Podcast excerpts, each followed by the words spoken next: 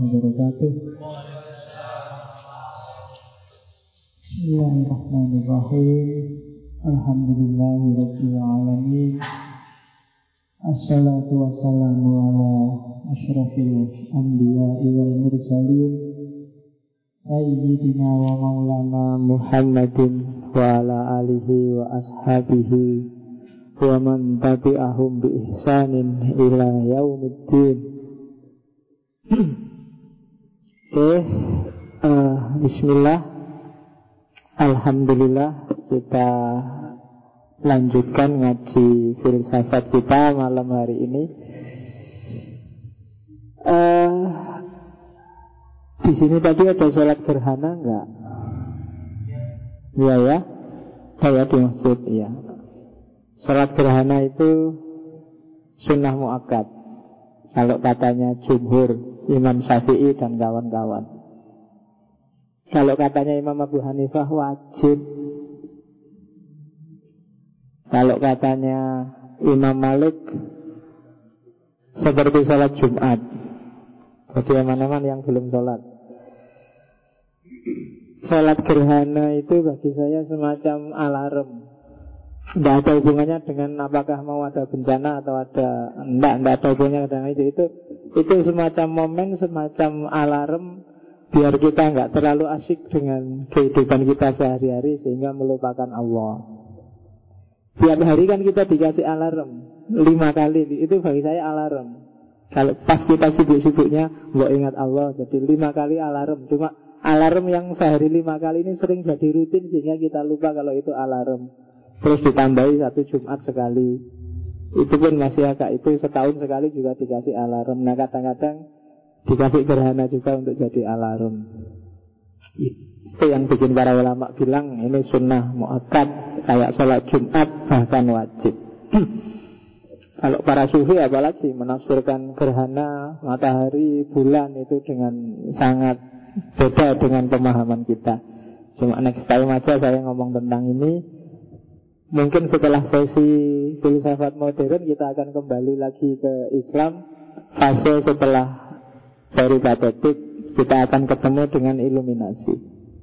Cuma mungkin masih satu dua bulan lagi ya, karena setelah Darwin saya akan ngomong tentang Freud, setelah Freud saya ngomong Marx, terus mungkin dua orang dari tradisi pragmatisme. Oke, Bismillah. Hari ini tema kita adalah struggle for the. Saya agak Gimana gitu ya ngomong Darwin Wong aku bukan ahli biologi Cuma saya tidak ngambil itunya. Tidak ngambil teori biologinya. Karena kalau biologi itu aku nol Kalau biologi sih gampang. Biologi kan nggak perlu belajar Kalau biologi beda lagi. Eh, Bismillah Darwin adalah salah satu pilar Yang banyak orang nggak setuju, banyak orang nggak suka, tapi diam-diam kita sering berpikir evolutif. Mungkin kamu nggak setuju dari kerahnya, tapi struggle evolutivitasnya mungkin setiap orang juga sebenarnya kayaknya struggle evolutivitas. Yang nggak cocok ya tersingkir. Kuliah kok nggak cocok-cocok ya akhirnya DO. Itu struggle evolutivitas. Skripsi kalau tidak selesai-selesai ya berarti kamu tidak fit. Tidak cocok Jangan-jangan kamu garap skripsi itu. Harus struggle. Ya. Bismillah. Itu tak kasih gambar karikatur. Itu karikatur resmi ya. Resmi zaman dulu tapi Untuk melecehkan Darwin.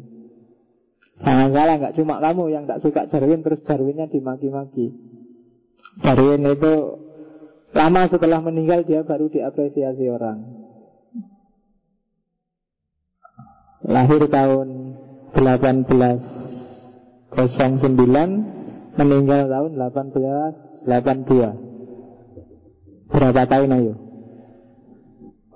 ngitungnya lama yang jawab duluan tak kasih bonus. 82 dikurang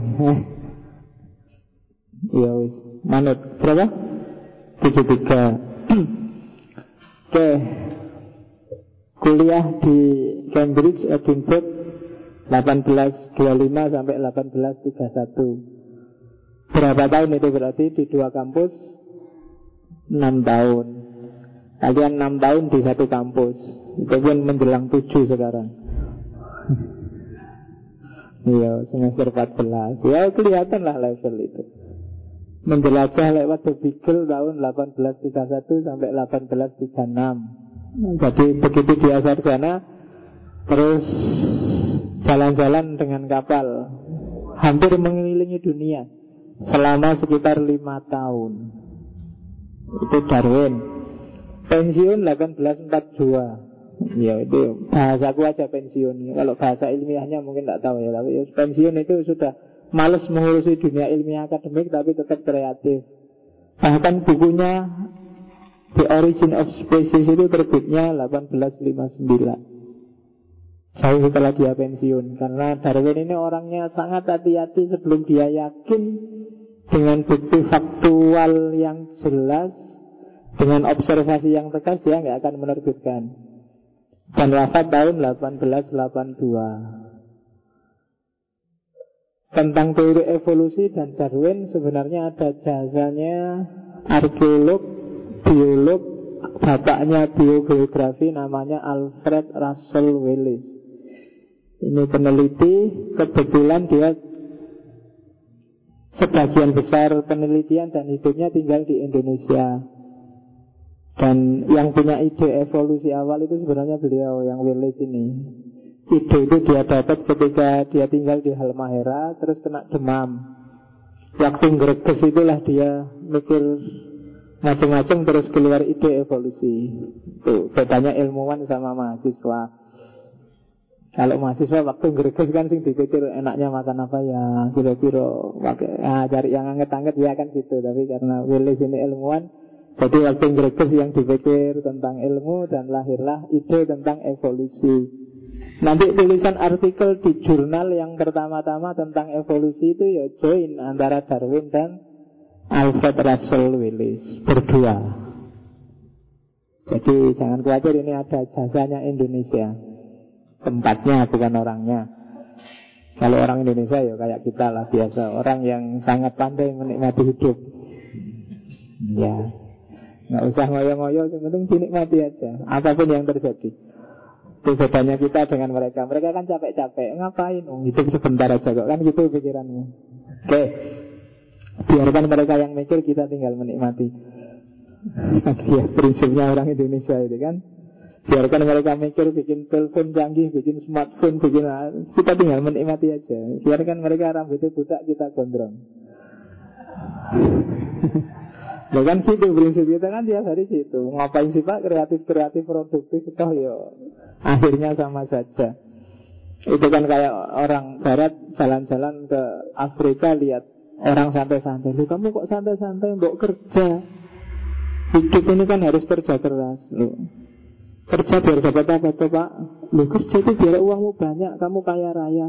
Ya terus kalau kaya raya mau apa? Lu kan kamu bisa nanti kaya raya anak istrimu kamu ajak istirahat santai-santai. Ngapain nunggu lama-lama capek-capek sekarang aja sudah santai-santai. Ngapain nunggu kerja keras segala? Oke. Okay. Saya nggak bisa cerita tentang gambar ini, cuma ini tak ambil aja dari internet perjalanannya Darwin mulai dari awal sampai akhir sampai dia menemukan teori evolusi. Kalau itu cerita, kamu cari aja di internet banyak. Termasuk dari kepulauan Galapagos lah, bagaimana dia berevolusi lah dan seterusnya. Nah ini semi dongeng, jadi kamu kejar sendiri ya. Darwin itu penjelajah tapi dia punya banyak penyakit. Agak sakit-sakitan. Jadi dia punya mah, dia macam-macam kalau kamu baca sejarahnya. Jadi orangnya agak murung akhirnya karena penyakitan, tapi dahsyat. Bahkan karyanya pun yang nggak banyak diapresiasi orang, baru dia meninggal lama, baru diapresiasi. Itu pun banyak yang mencaci maki, banyak yang nggak suka. Meskipun diam-diam, cara berpikir evolusi inilah nantinya yang melahirkan ideologi namanya progresivitas. Ada perkembangan. Hidup ini berkembang, tidak macet Sifatnya evolutif Dan ini berpengaruh di banyak tokoh selanjutnya termasuk kalimat. Bahkan ada istilah evolusi kebudayaan, ada istilah evolusi sosial. Saya lupa kelihatannya ada juga istilah evolusi rohani. Loh kan itu jasanya Darwin lo itu kamu pakai evolusi meskipun dari manusia ke keranya kamu nggak setuju. Tapi istilah evolusi dan cara berpikir evolutif itu kan beredar di mana-mana dan kesadaran semacam ini pertama kali yang membangkitkanlah adalah Darwin. Jadi yo, kapan-kapan kamu harus kirim fatihah ke Darwin. Loh ya kan pada ilmuwan yang berjasa kan harus difatihai Ya, nah ini juga yang paling terkenal saya nggak perlu jelasin ini kapan dari monyet dan seterusnya itu kan saya harus lihat ke sana karena ini laptopnya kecil. Karena saya sekarang sudah plus, jadi sudah dikasih lebih oleh Allah. Kalau kamu kan baik kacamata karena minus, ada yang dikurangi oleh Allah. Kalau saya disayangi jadi dikasih lebih. Matanya harus plus. Harus sudah menjauhi dunia termasuk tulisan. Karena kalau baca harus gini. Kalau dekat nggak kelihatan. Termasuk ini karena kecil-kecil jadi ya terpaksa nggak bisa ya. Kamu lihat sendiri aja gambarnya. Ya kamu mikir sendiri lah kira-kira kamu mirip apa enggak Nah ya kan kan simpel itu Dan katanya Darwin mirip kok Kamu jangan bohong Sebetulnya ya mirip Kamu jujur apa enggak gitu aja kan masalahnya Oke, masuk ke teorinya. Jadi sebelum Darwin orang kenal lamak. Ya, ya meskipun belakangnya mak tapi dia bukan mak kalmak loh ya. Makanya depannya ada la. Lamak berarti bukan mak ya. ya itu namanya maksudnya. ya dia punya teori use and disuse. Jadi anggota tubuh manusia eh manusia makhluk hidup itu bisa berubah-ubah dan perubahan itu bisa diwariskan. Itu biasanya di buku-buku sejak kamu SD kan ada gambar itu kan jerapah karena pohonnya tinggi-tinggi sementara dia pendek kan tiap hari harus nongak terus nggak nyampe akhirnya agak loncat dikit agak jinjit dikit. Tiap hari jinjit lama-lama terus lehernya agak panjang. Lama-lama jadi panjang banget dan panjangnya itu diwariskan. Itu teorinya lama. Namanya use and disuse Jadi anggota tubuh yang kamu manfaatkan Dan tidak kamu manfaatkan itu nanti berpengaruh loh. Kalau kamu diemin aja ya dia tidak berkembang. Tapi kalau kamu pakai terus dia akan berkembang Makanya kadang-kadang kalau kamu jeli coba ukur Tangan kanan sama tangan kirimu panjang mana Biasanya panjang tangan kanan Lebih aktif tangan kanan karenanya kan Dan lebih agresif tangan kanan Jadi tangan kanannya lebih panjang kalau panjang dua-duanya berarti kamu agak panjang tangan. Iya. Jadi use and disuse itu teorinya lama. Dan evolusi itu katanya lama ya kejadiannya kayak gini lama-lama berubah. Dulunya pendek, lama-lama agak dongak dikit, dongak dikit. Nah nanti anak turunnya dia akhirnya lehernya panjang. Jadi ini kalau kamu pakai lamak yang merasa pendek pengen perbaikan keturunan mulai sekarang kamu agak jinjit-jinjit agak mendongak-dongak biar nanti anak cucumu jadi tinggi ya. Kalau zaman saya dulu di kampung ada hubungannya dengan gerhana. Kalau pas gerhana kamu gandolah apa ada palang pintu apa-apa. Kalau kamu gandol waktu gerhana kamu akan tinggi. Itu di kampung saya dulu gitu. Saya tidak tahu di kampungmu ada nggak tradisi kayak gitu. Nah, itu mungkin pakai teorinya lama. Jadi kalau kamu gandol-gandol karena agak menunggak-nunggak ya lama-lama kamu tinggi. Itu teori evolusi sebelum Darwin. Darwin juga agak kena pengaruh ini, tapi teori ini kan sudah dibantah oleh Agus Wisman. Masa sih gitu terus Wisman ini ini Agus Wisman namanya ya, agak mirip kayak penyanyi di Indonesia. Kalau Wisman saya tak coba apa ya gitu. Terus dia nyari tikus. Tikus itu ekornya dipotong Nyari tikus cowok sama tikus cewek Ekornya dipotong dikawinkan Begitu lahir anaknya tikus Loh kok ada ekornya panjang lagi Dicoba lagi, dipotong ekornya Dikawinkan lagi Sampai sekitar 21 generasi tikus Saya tidak tahu ya Tikus itu generasinya berapa bulan melahirkan dan Pokoknya dipotong sampai 21 kali Ah tetap aja ekornya panjang Berarti lama keliru Ternyata perubahan fisik itu tidak selalu diwariskan. Jadi orang yang buta sama buta nggak mesti anaknya buta kok. Ya kan kan banyak itu kan ada. Kalau saya nggak tahu di Sanmor apa di mana kan ada yang anaknya itu nggak buta, bapaknya buta kan nggak diwariskan. Jadi cacat fisik ternyata nggak diwariskan. Beda sama teorinya Lamat. Ada cacat yang diwariskan. Jadi kamu nggak perlu takut. Kalau kamu merasa jelek, nggak mesti anakmu jelek. Ada kamu. Lo iya kan pakai teori ini kan berarti ini percobaan kok. Ilmiah jangan khawatir. iya, jadi ternyata nggak jaminan fisik kayak apa nanti hasilnya kayak apa. Berarti kayak gimana terus evolusi itu? Nah, dari sinilah terus memicu ide evolusi Darwinian. Yang pertama, yo penjelajahannya Darwin di Kepulauan Galapagos. Dia ketemu yang paling berkesan kan kura-kura. Jadi kura-kura di sana itu beda-beda tergantung kondisi alamnya. Itu yang pertama. Yang kedua, teorinya Carlos Lyell, Principle of Geology. Ini teori tentang bumi bahwa bumi itu ya bukit, alam seperti itu berubah-ubah kondisinya. Merapi itu mungkin mengalami pergeseran-pergeseran. Dan perubahan ini sangat mungkin mempengaruhi makhluk hidup.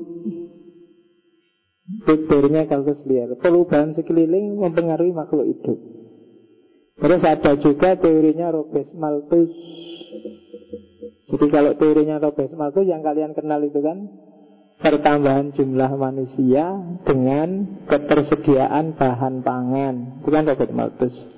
Pertambahan jumlah manusia itu pakai deret ukur kalau pertambahan bahan pangan itu pakai deret hitung. Jadi kalau nasi, beras itu ya jumlahnya dari satu, dari dua, dari tiga, dari empat. Tapi kalau manusia dari dua jadi empat, jadi delapan, jadi enam belas kan begitu. Bapakmu, ibumu punya anak dua, itu kan dari dua jadi empat. Nanti masing-masing anak punya dua-dua Itu minimal Kalau orang dulu bisa delapan, bisa dua belas Iya. Bapak saya itu sebelas, tinggal delapan. Ibu saya enam.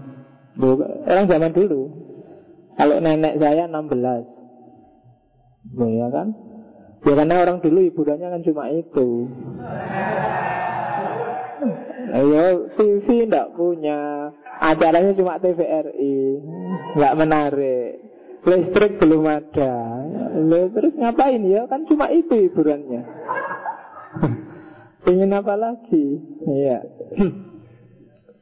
Itu kayak Pak Yai saya waktu tak guyon itu kan Di kampung di Mojokerto Pak Yai saya itu Umurnya 67 baru saja kawin dengan santrinya umur 16 Ya kan seru kalau tak guyoni Pak Yai, Pak Yai masa aku masih bisa sampean gitu. Nanti dia ketawa aja. Kok berani sampean katanya Pak Yai? Iya kamu enak, iso internetan, iso Facebookan, iso nonton bal-balan lah saya. Tiap hari mau suruh ngaji, mau suruh apa ya hiburanku cuma ini aja kan. Ya, jadi kamu jangan marah, yuk dikasihani lah. Mau Pak Yai kan nonton bal-balan, anggap nggak pantas. Dia jalan-jalan di mall ya pakai oh, masa kiai jalan-jalan di mall. Tapi kasihan dia nggak bisa ngapa-ngapain. Biarlah hiburan yang satu itu jangan kamu protes. Dia bisanya cuma itu yang menyenangkan. Kalau kamu kan Facebookan, kalau Pak Yai mau Facebookan kan kamu ketawa mesti kan Pak Yai kok Facebookan kan lah terus hiburannya apa? Kalau Pak Yai main game juga kamu masa Pak Yai main apa FIFA 15 apa main PES main ah, Nggak pantas ya, ya. pantas ya kowe. Ben lah, jangan diprotes dong. Wong yang dikawini aja seneng-seneng kok kamu sirik. Oke, okay. ah, jadi perkembangan jumlah masyarakat ternyata nggak nyambung loh dengan perkembangan bahan pokok lo ini menentukan struggle for the tadi. Ayo, kalau gitu siapa nanti yang bertahan? Bisa terus. Ini nggak cuma manusia, hewan mungkin juga gitu. Sekarang apalagi?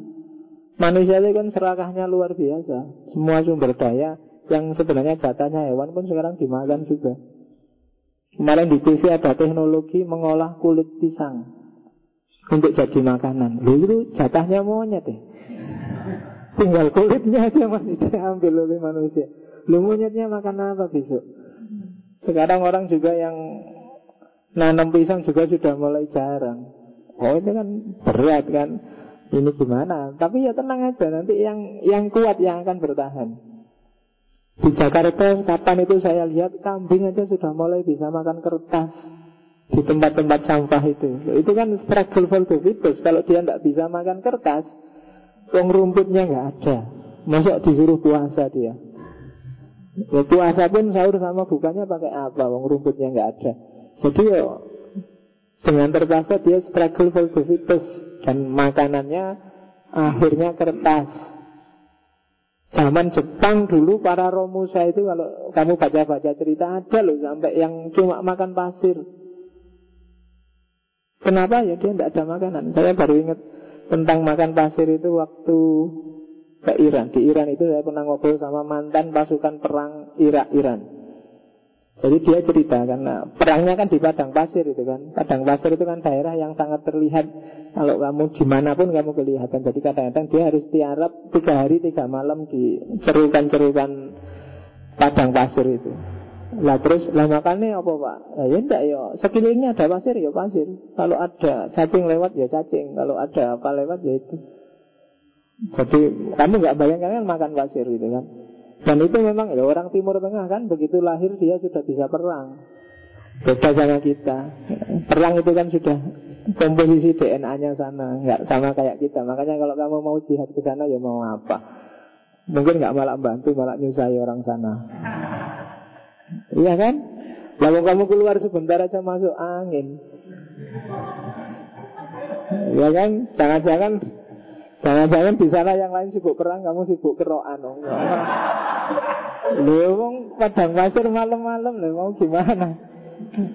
Jadi ya berat. Jadi wis kalau mau bantu yang ngirim duit apa bahan makanan apa obat-obatan, kamu ikut perang ya diketawain sama orang sana.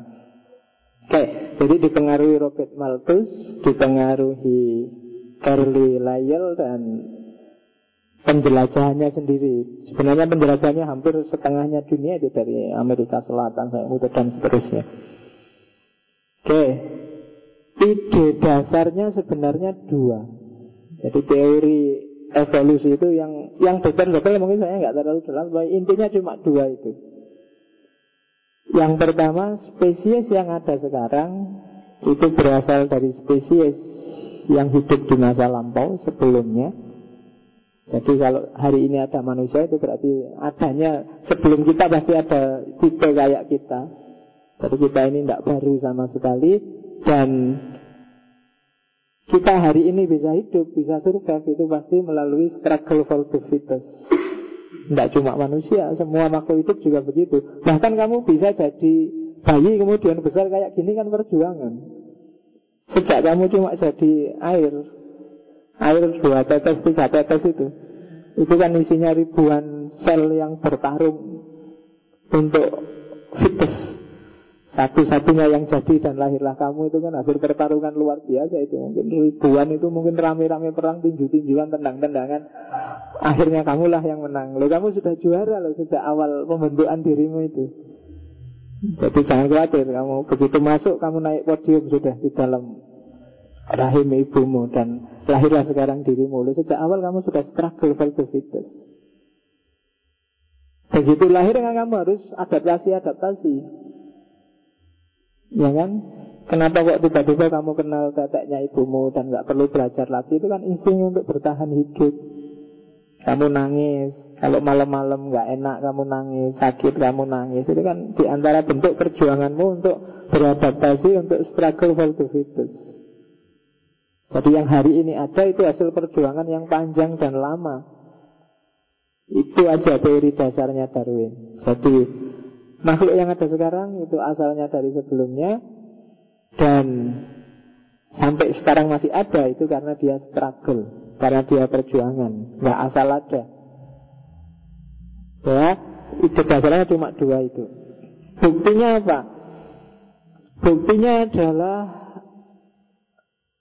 ada kenapa sih ada evolusi itu kenapa sih kok kok tidak statis saja kok ada perubahan-perubahan kok bisa dari manusia jadi kerak ekstrimnya kan gitu. Tapi ternyata dari pencermatan Darwin ya ada banyak bukti yang mendukung itu. Yang pertama adalah ada variasi dalam garis keturunan. Kamu anaknya ibumu kan? Tapi kan kamu nggak sama persis nggak fotokopi kayak bapakmu. Atau yang perempuan nggak fotokopi kayak ibunya. Kalau fotokopi bapak ibumu bingung mesti membedakan. Mungkin ada kembar identik tapi kan masih bisa aja dikenali. Oh kamu yang A, dia yang B, pasti gitu. Ada variasi. Orang satu rumah kamu jejer, kamu ini anaknya tiga, ini bapaknya ibunya, ya paling orang mirip ibunya ya, mesti gitu kan. Kenapa? Ya cuma mirip aja, karena pasti ada bedanya. Pasti ada variasi-variasi. Mungkin bapakmu gampang jenggotan, kamu enggak Karena itu kan variasi-variasi Bapakmu bibirnya agak panjang, kamu agak sempit. Bapakmu agak pesek, kamu pesek banget. Kan gitu. Begini, itu kan variasi-variasi. Jadi ah, enggak, buktinya ada evolusi, buktinya ada perubahan Dalam keluarga pun ya pasti ada variasi-variasi. Enggak cuma manusia, hewan pasti juga gitu. Kucing itu bagi kamu kan sama Kucing ya kucing pak. Ya enggak, ya ada variasinya Ada kucing yang agak cakep Ada kucing yang jelek. Yang ngerti ya kucing Ya bagi kamu kan sama aja kamu kan biasanya sama, mau kamu nggak kamu jelimeti. Bagi kamu orang Afrika ya kayak gitu semua, item-item semua kan mesti gitu. Nggak ada yang cantik kok ya wajarnya gitu-gitu semua. Iyalah kamu nggak jelimeti sih. Coba kamu jelimeti lama-lama, oh iya ya, beda-beda. Ada yang cakep juga kan mesti gitu. Saya punya teman ditugaskan di Irian Jaya. Begitu datang ke sana di Irian Jaya stres ya. Aduh wajahnya orang ini Irian Jaya podo kabeh. Enggak ada yang cakep gitu-gitu semua has. Kerasan enggak ya saya? Oh, begitu dua tahun di sana ada sih satu dua yang cakep kan gitu. Begitu tiga tahun di sana banyak ternyata yang cakep loh orang Irian Jaya itu. Ah, Nanti mungkin lima tahun lagi dia kawin sama orang sana Ya kan? Ya karena pasti ada variasi, pasti ada beda Dalam keturunan Itu tak, tak kasih contoh itu. Saya lihat itu sak keluarga itu kan Inggris kan. Coba lihat generasi pertama, generasi kedua, generasi ketiga. Wajahnya kan beda. Ya lebih cakep yang terbaru Karena masih muda. Ya, yang ya yang tua ya kelihatan gitu. Tapi itu kan ada, ada variasi. Tidak seragam. Itu mungkin kalian sudah punya keluarga besar kalau Idul Fitri ngumpul itu kan ibumu, simbahmu kan tidak keliru kan kamu sama saudaramu yang lain karena kalian variasinya ada. Jadi nggak sama, tenang aja. Itu membuktikan bahwa ada kok evolusi. Nanti anak kalian mungkin masih mirip kalian tapi dikit. Kalian tadi mirip orang tuamu dikit, anak kalian mirip kalian dikit. Jadi semakin agak jauh dari orang tua. Nanti cucunya juga gitu, cicitnya dan seterusnya. Kalau Jawa itu kan anak, itu, buyut, apa lagi? Canggah, apa lagi? Udek-udek, gantung sewur, Ya, dan seterusnya. Itu sampai generasi ke-6 harusnya ingat saya sampai generasi 7 atau 9 gitu saya lupa. Yang saya bilang kalau bahasa Indonesia nggak ada. Bahasa Indonesia itu anak cucu anaknya cucu cucunya anak cucu ya mesti gitu. Nggak, nggak ada istilah Jawa lebih kaya itu variasi-variasi genetiknya ada pasti beda-beda. Bukti yang kedua pengaruh geografis. Itu bikin evolusi juga. Sama-sama orang Jawa Tapi Jawa Banyumasan, apa Jawa Madura Apa Jawa Banyuwangi, apa Jawa Surabaya Kan dia punya variasi genetik sendiri. Ada yang ngapak-ngapak Ada yang rak-rek Kayak Surabaya Ada yang using kayak Banyuwangi Ada yang tak oneng kayak Madura Ya, Madura itu kan apa istilahnya kalau Madura? Ada yang Madura di sini? Saya. Pel pelak itu apa kalau Madura? Pelak. Eh, ya tak oneng lah. Oke, eh, tak oneng itu berarti bukan oneng. Jadi pengaruh geografis persebaran geografis ternyata membedakan. Nanti kalau di penelitian Darwin burung yang punya banyak variasi. Jadi ada 14 variasi burung finch. Nah, burung finch itu yang ditemukan oleh Darwin. di pulau ini Paruhnya seperti itu. Di pulau ini beda lagi. Di pulau ini nggak bisa terbang Bisanya cuma jalan nyari makanan di bawah. Di pulau ini karena makanannya jauh di bawah pohon Paruhnya agak panjang di pulau ini. Pengaruh geografis. Oh menentukan juga evolusi. Nah kalau yang ini agak mirip teorinya lamak Tapi tidak satu-satunya. Kalau lamak tadi kan satu-satunya. Jadi pengaruh geografis. Ada yang paruhnya panjang Ada yang kakinya pendek Ada yang nggak bisa terbang jadi sama-sama burungnya. Kalau di Indonesia kan juga gitu. Ada kan juga burung yang tidak bisa terbang, yang hanya punya telur, burung apa? Burung puyuh. Burung puyuh itu kan tidak bisa terbang.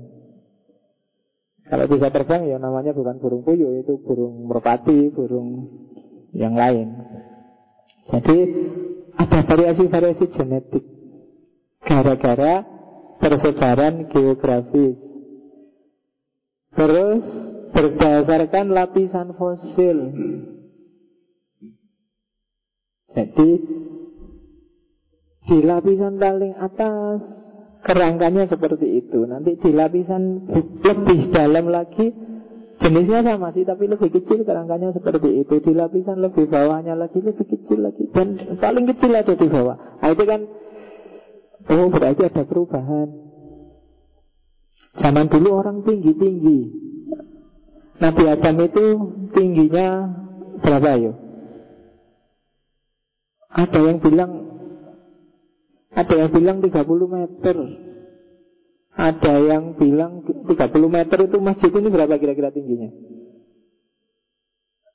7 ya sekitar 7 10 lah saat tinggi-tingginya Tiga kali lipatnya masjid ini jadi ada saya baca di mana itu waktu Adam turun dan nyampe Jabal Rohmah di Arafah itu dia duduk di atas bukit itu jangan dibayangkan kayak kamu naik bukit terus duduk tapi dia ya duduk kayak ada gundukan aja dia duduk di atasnya gitu. Jadi nongkrong di atas itu jadi kayak dingkliknya itu gunung Jabal Rohmah itu. Kamu kan sekarang naiknya mati-matian ke atas ngos-ngosan tapi Nabi Adam cuma duduk di situ terus di depannya Ibu Hawa terus berdua nongkrong di situ. Bukan baru ketemu, pisah lama. Ketemunya di Jabal Rohmah itu. Karena dia tinggi luar biasa. Dan itu waktu nyari Ibu Hawa itu Mengembara ke mana-mana. Dan ada di antara petilasannya yang sampai Jawa. Saya lupa Bukunya ada itu. Jadi beberapa tinggalannya Nabi Adam di Pulau Jawa. Oke Ya sampai nanti ketemu di Arab. Lu jangan salah Karena Asia dulu kan jadi satu Indonesia masih belum petel, masih belum pecah. Jadi kayak sekarang. Indonesia pecah itu kan ketika rentetan gunung berapi meledak bareng-bareng terus jadi enggak, terus ada gempa semacam tsunami dan itu dan pecah. Jadi misah sama India Kalau zaman dulu Kalau kalian lihat Mahabharata Hastinapura itu ya Indonesia masuk salah satu wilayahnya Nanti ada salah satu pejuang Yang ikut perang Anaknya Bima Anaknya raksasa sih Namanya Gatot Kaca jadi Gatot Kaca itu asli Jawa. Kalau dalam hikayatnya Mahabharata. Cuma ya raksasa. Wajahnya nggak kayak Gatot Kaca di wayang-wayang. Jadi tinggi besar. Kayak raksasa itu Itu asli. Dan namanya juga pakai nama versi Jawa. Di India nggak ada nama Gatot. Yang ada nama Gatot itu di Jawa. Loh ini tenanan kok kamu ketawa itu Oke, okay. yo kamu nonton sendiri Mahabharata besok kayak gimana. Sekarang kan sedang tren Mahabharata. Kemarin ada tokoh-tokoh Mahabharata jalan ke sini itu kan, jalan-jalan ke sini. Sampai polisi-polisi ingin ikut selfie bareng. Kan di internet banyak itu fotonya polisi Indonesia bareng pemain-pemain Mahabharata.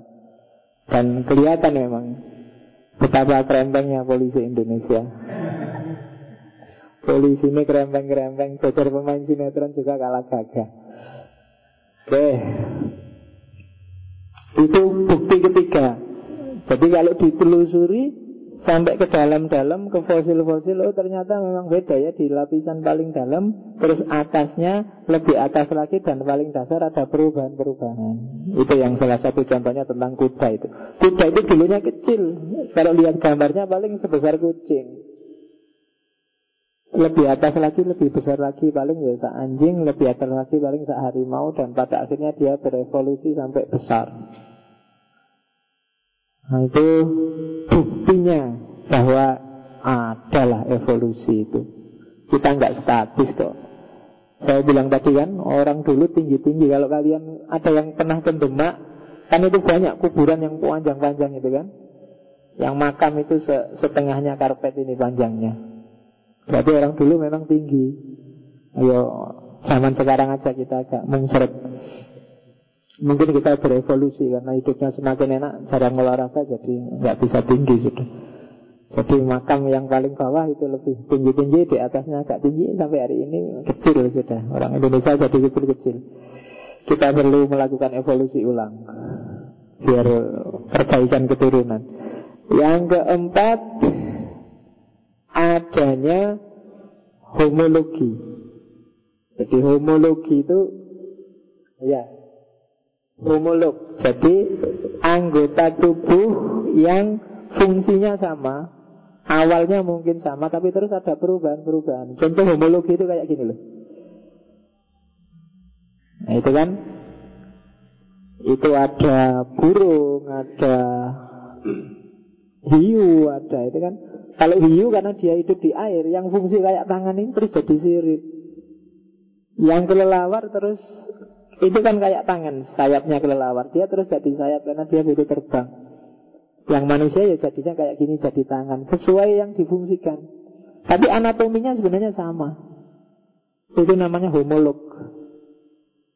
Homolog itu lawannya analog. Kalau analog itu fungsinya sama sih, tapi anu konstruksinya beda, strukturnya beda. Kalau homolog itu strukturnya sama, fungsinya sama, tapi kemudian bentuknya jadi beda-beda menyesuaikan dengan kondisi. Itu kayak siripnya ikan hiu, sayapnya kelelawar, tangannya manusia, bahkan kakinya kuda. Itu fungsinya sama, tapi konstruksinya beda menyesuaikan dengan kondisi. Ini juga menunjukkan jangan-jangan memang ada evolusi. Karena manusia tiap hari tangannya dibikin megang-megang, dibikin nyari-nyari, terus konstruksinya jadi semacam ini. Ada evolusi. Mungkin dulunya nggak nggak eksak kayak gini, tapi ada perubahan-perubahan terus jadilah kayak gini. Sehingga kamu bisa ngambil air minum dengan santainya. Coba kayak kelelawar atau kayak ikan hiu, kamu nggak bisa minum teh maka bersyukurlah.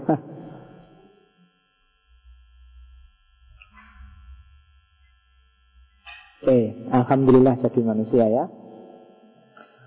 Kita berevolusi sampai puncak. Oke, terus ya studi perbandingan embrio. Ini buktinya yang kelima bahwa ada evolusi kok. Embrio, saya nggak perlu baca itunya, tulisannya kecil-kecil, tak lihat langsung gambarnya aja itu perkembangan embrio ikan, ayam, babi, manusia.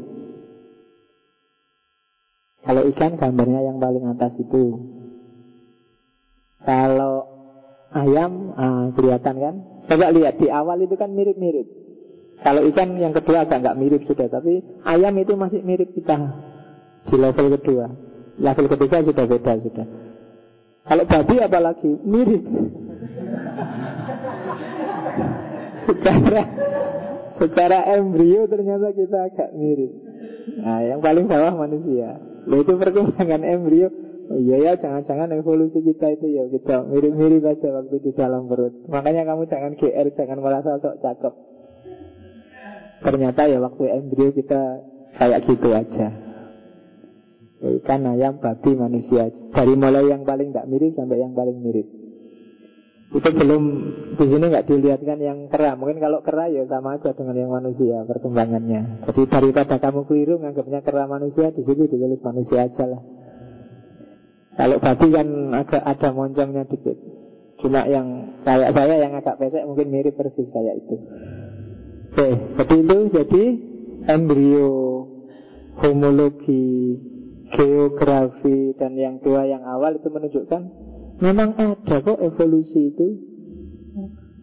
Jadi Tuhan tidak menciptakan 100% langsung jadi persis kayak gini. Ada perkembangan-perkembangan. Ada perubahan-perubahan. Buktinya Nabi Adam Misalnya kamu percaya Nabi Adam Toh ada evolusi juga. Kita kan merasa bahwa Saya tidak kayak Nabi Adam. Nabi Adam tingginya segitu Saya tingginya segini. Nah ada evolusi kan? Dari tinggi jadi pendek. Meskipun mungkin kamu nggak setuju kerannya Karena kamu khawatir kesaingan Oke, terus ya studi perbandingan biokimia. Kalau itu beberapa aspek kimiawi, misalnya HB, ternyata di situ ada contohnya. HB-nya manusia ternyata dekat dengan HB-nya gorila misalnya. Konstruksi anu apa aspek kimiawinya. Oh, berarti kita mirip. Uang HP-nya juga mirip. Hemoglobinnya. Ketekatan darahnya. Berarti gorila itu juga bisa kena demam berdarah ya kalau HP-nya turun. Cuma kamu nggak pernah mikir ini gorila kalau demam berdarah minumnya obat apa Oke, jadi itu struktur biokimianya. Ada enam bukti evolusi yang disebut tadi, termasuk yang dipakai oleh Darwin. Ini bukti rasional. Kalau kamu nggak percaya evolusi, biasanya kan kamu tabrakkan sama agama. Ya lah, Allah itu sudah menciptakan sejak awal Ada manusia, ada kera, nggak ada kok Kera jadi manusia, manusia jadi kera itu kan Kamu bilangnya gitu kan Buktinya apa? Allah yang bilang itu kepercayaan Cuma karena Darwin ini ilmu, ilmiah Dia mengajukan bukti-bukti ilmiah. Kan bedanya di situ. Darwin punya bukti ilmiah, cuma banyak diragukan orang. Kita tidak punya bukti ilmiah, tapi kita yakin pendapat kita. Nah, itu bedanya agama sama filsafat. Oke, ah. Nah, mekanismenya gimana sih? Ya, seleksi alam tadi. Jadi seleksi ada mutasi-mutasi gen, ada perubahan-perubahan konstruksi fisik yang prinsipnya adalah struggle for the fittest tadi. Ada perubahan cuaca misalnya. Dari cuaca yang normal ada musim hujan, musim panas, tiba-tiba nanti cuaca berubah, mungkin kita juga akan melakukan adaptasi-adaptasi fisik loh. Ya kan?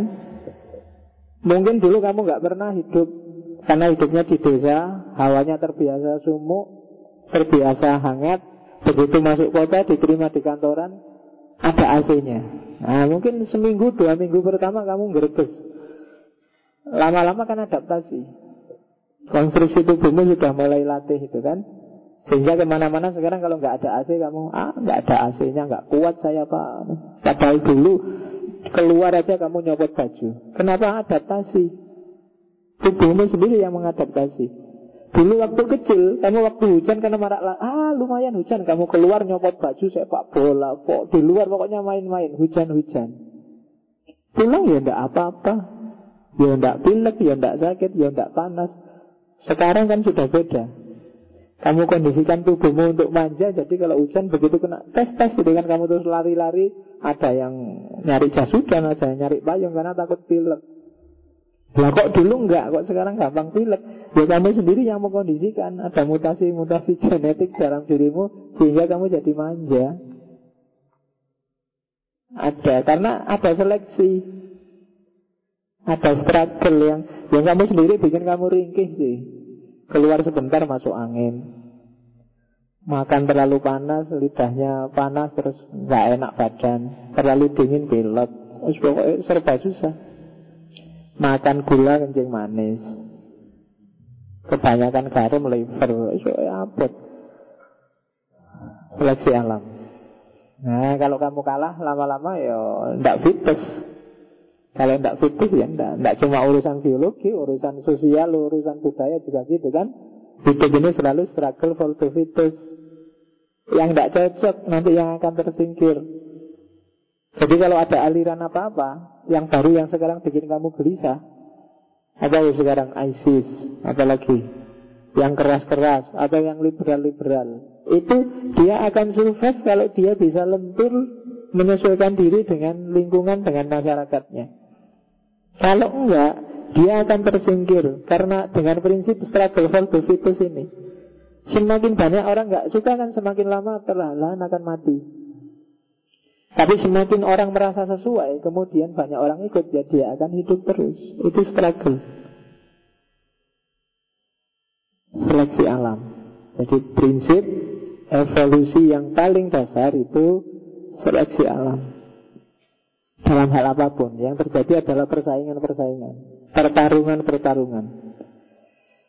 Sekarang yang daftar CPNS sudah berapa juta orang. Oh, itu kan struggle for the fittest. Siapa yang paling cocok Yang paling punya bakat untuk jadi PNS Dialah yang lolos Yang enggak ya daftar lagi tahun depan Kan gitu aja Tapi kalau kamu ingin lolos Ya bikin dirimu fit Bikin dirimu sesuai untuk jadi PNS Ya entah gimana caranya Kamu ngerti sendirilah Miliunya seorang PNS Tapi kalau enggak ya Enggak bisa Itu ada formasi yang dibutuhkan satu orang yang daftar 300 ribu orang. Loh itu kan yang tak fit yang dibuang itu kan 299 ribu orang. Kan itu banyak loh. Tapi memang itulah seleksi alam Karena bahan makanannya ya Formasinya cuma satu Kayak Robert Malthus tadi.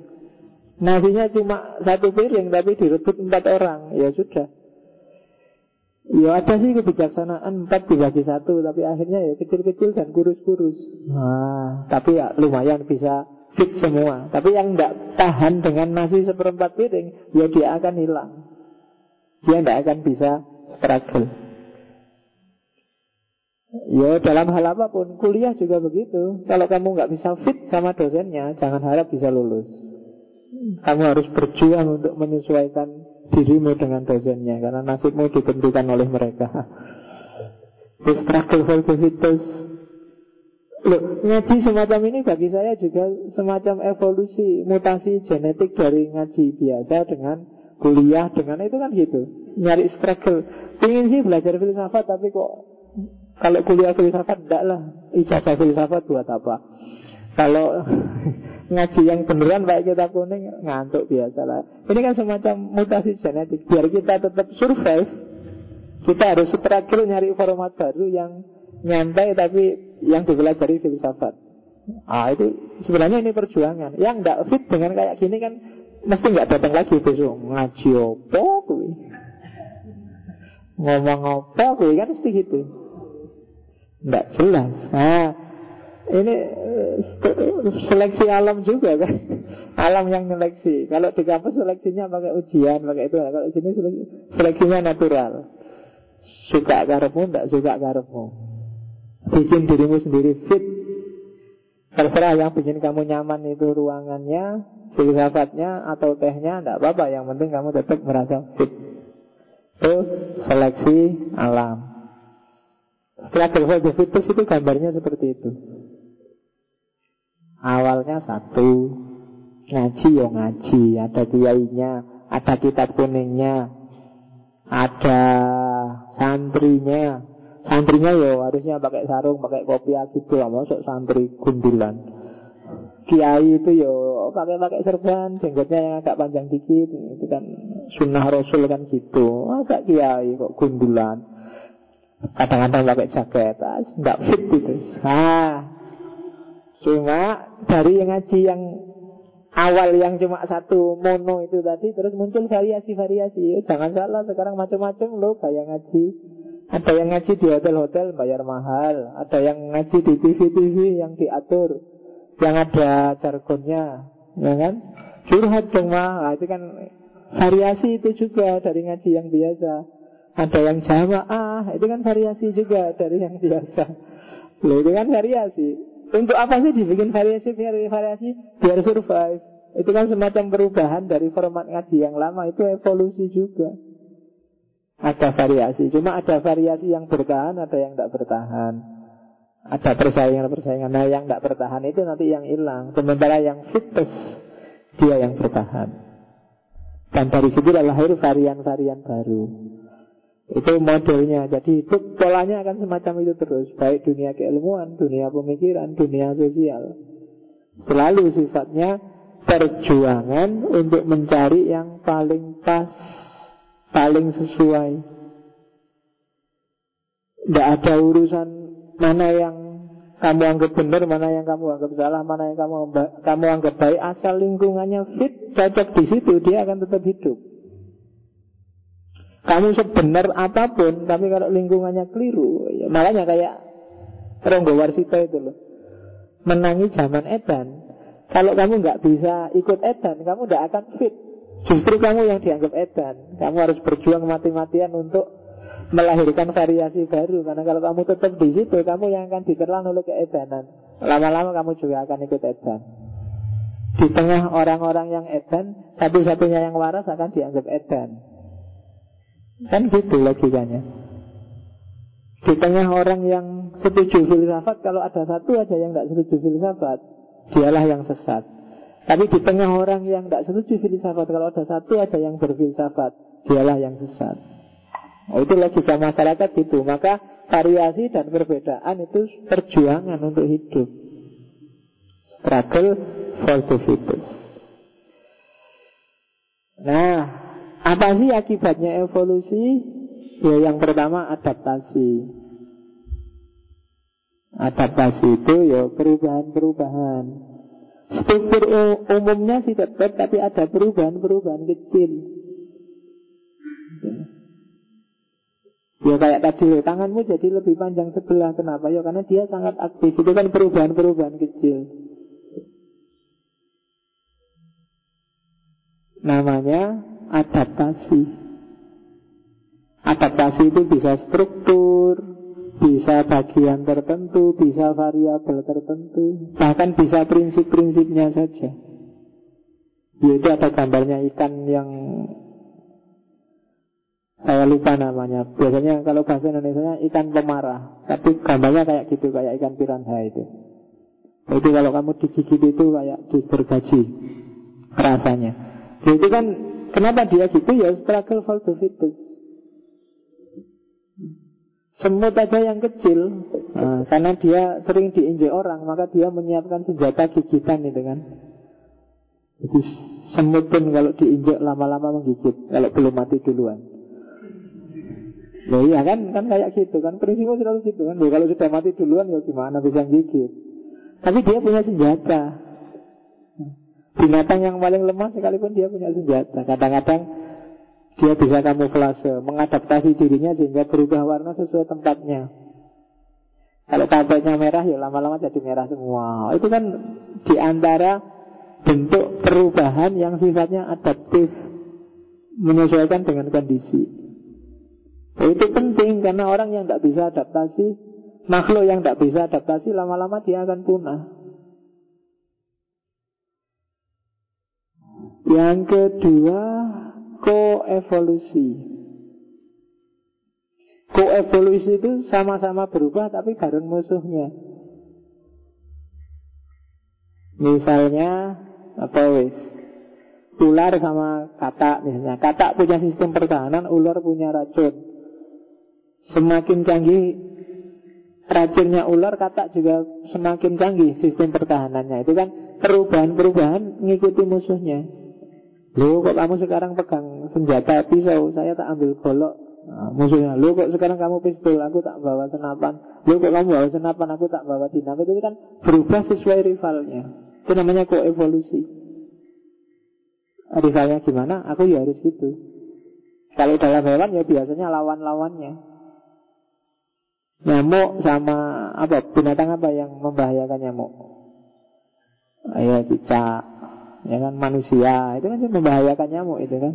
Lo nyamuk punya sistem pertahanan sendiri untuk mengganggu manusia.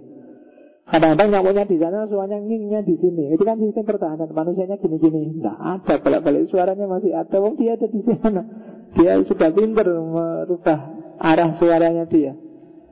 Kayak antibiotik gitu kan. Di virus-virus tertentu, bakteri tertentu dikasih antibiotik. Kalau makainya nggak pas malah dia mutasi, beradaptasi. Wah, obat kayak gini tuh. Nah, kalau obatnya kayak gini aku gini aja deh. Jadi lama-lama kebal. Itu namanya adaptasi. Jadi jurusnya sudah diketahui. Kalau kamu kayak gitu, aku kayak gini. Kalau kamu merengek, aku cuek. Kalau kamu merayu, tak anggap gombal. Nah, itu kan sama-sama berevolusi. Sama-sama berubah. Oke, itu namanya koevolusi. Perubahan bersama-sama tapi menyesuaikan dengan kondisi yang mengancam dirinya. Kalau manusia kan pinter dia bikin musuhnya manusia kan banyak itu makanya dia pinter bikin alat-alat untuk melawan nyamuk aja kan ada berapa jenis teknologi itu ada raket anti nyamuk ada obat nyamuk bakar obat nyamuk cair ada itu kan musuhnya banyak. Nyamuknya sendiri mikirnya berkali-kali. Dulu kan cuma ada obat nyamuk bakar. Jadi nyamuknya gampang kan nunggu aja nempel sebentar nanti asapnya habis dia datang lagi. Sekarang ganti modelnya semprot. 30 jam. Ah, Ya dia tidur aja kalau malam Kalau siang baru muncul lagi. Sudah hilang semprotannya Nyamuk juga bisa beradaptasi Mungkin kalian pernah sumpek melawan tikus Tikus itu diracun sekali kena Tapi besok nggak akan kena lagi dia Oh, dia melakukan evolusi sendiri. Dia melakukan adaptasi sendiri. Dia koevolusi melawan manusia. Terus kamu bikin lem. lem dia juga ngerti sudah kalau ada lem itu. Kenapa ya? Ini struggle for the. Dia juga ingin selamat. Dia juga ingin survive. Kamu kasih kucing, kadang-kadang malah kucingnya yang takut, yang lari. Karena tikusnya kan gede itu. Ya. Kadang-kadang tikus juga pintar gertak. Dia sudah lari, kayaknya mau lari ke sana, begitu kucingnya datang dia balik, sup, lari ke sana. Oh, itu kan kucing aja ketipu. Itu struggle the juga. Yang ketiga kooperasi. Kalau kooperasi itu sama-sama berubah bareng teman. Ya, misalnya pohon sama benalu, misalnya madu yang di bunga sama kupu-kupu itu kan kadang-kadang ada adaptasi-adaptasi tapi bareng-bareng. Sama-sama membutuhkan. Nah, itu namanya kooperasi. Oke, kalau di Indonesia kooperasi itu bayangannya mesti tempatnya utang, tempatnya nah, kooperasi itu kerja bareng untuk yang saling menguntungkan.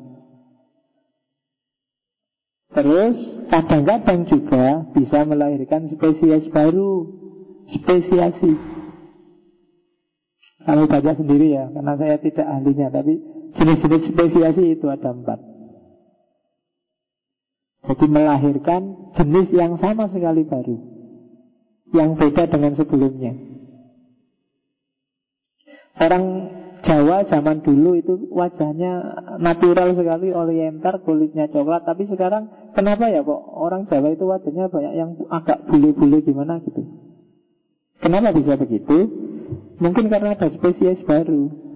Ada adaptasi-adaptasi, ada kooperasi, kooperasi, ada koevolusi, koevolusi terus lebih suka yang kulit putih Sehingga anaknya kemudian kulit putih Ada adaptasi Ada perubahan. Nah itu spesiasi namanya Lahir spesies baru. Selama ini kita kenal Ada kulit berapa di dunia ini? Kulit putih, kulit hitam Kulit coklat Kulit kuning. Oh, kan?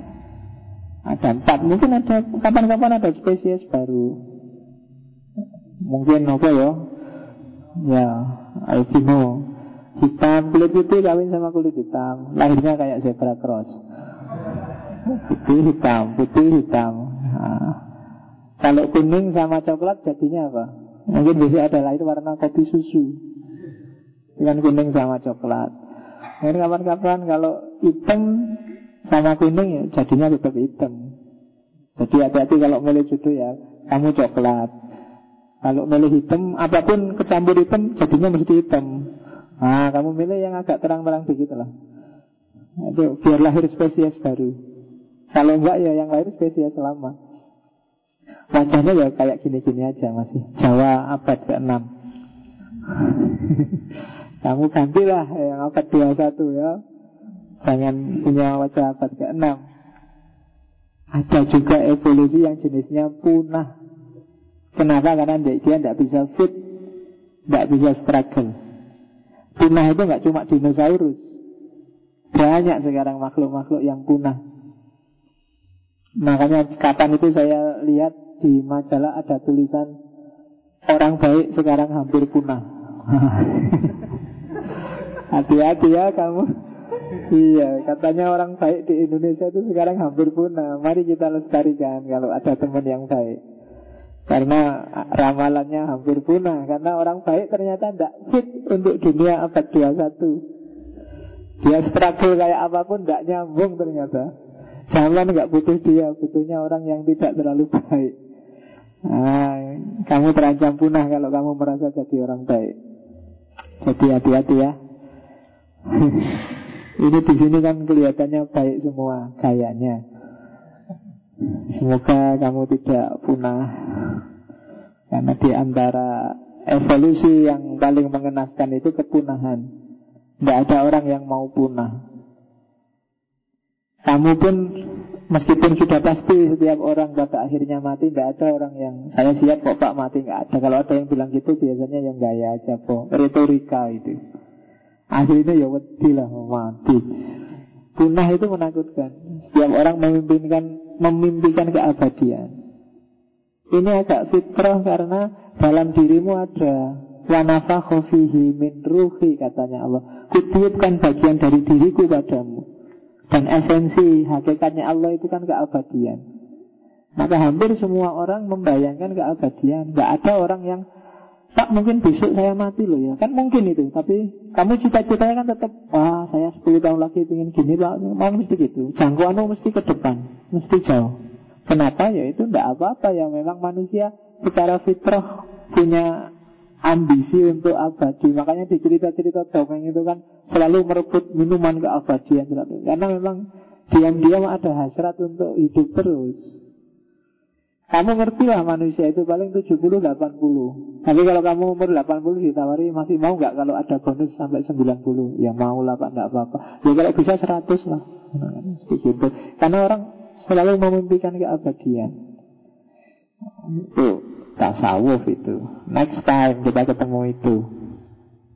Eh Maka dari situ bagi saya Nah pada akhirnya sebelum kita lihat dampak dan sisa-sisanya evolusi Evolusi Darwin adalah materialisme alam semesta Jadi kalau kamu setuju evolusi Darwinian, evolusi yang Darwin loh ya, yang dari manusia, manusia sumbernya kera, yang setiap makhluk dari yang bersel sederhana sampai yang bersel kompleks kayak manusia, itu semua kan yang dilihat materinya. Batinnya gimana? Itu kan nggak dilihat. Luar.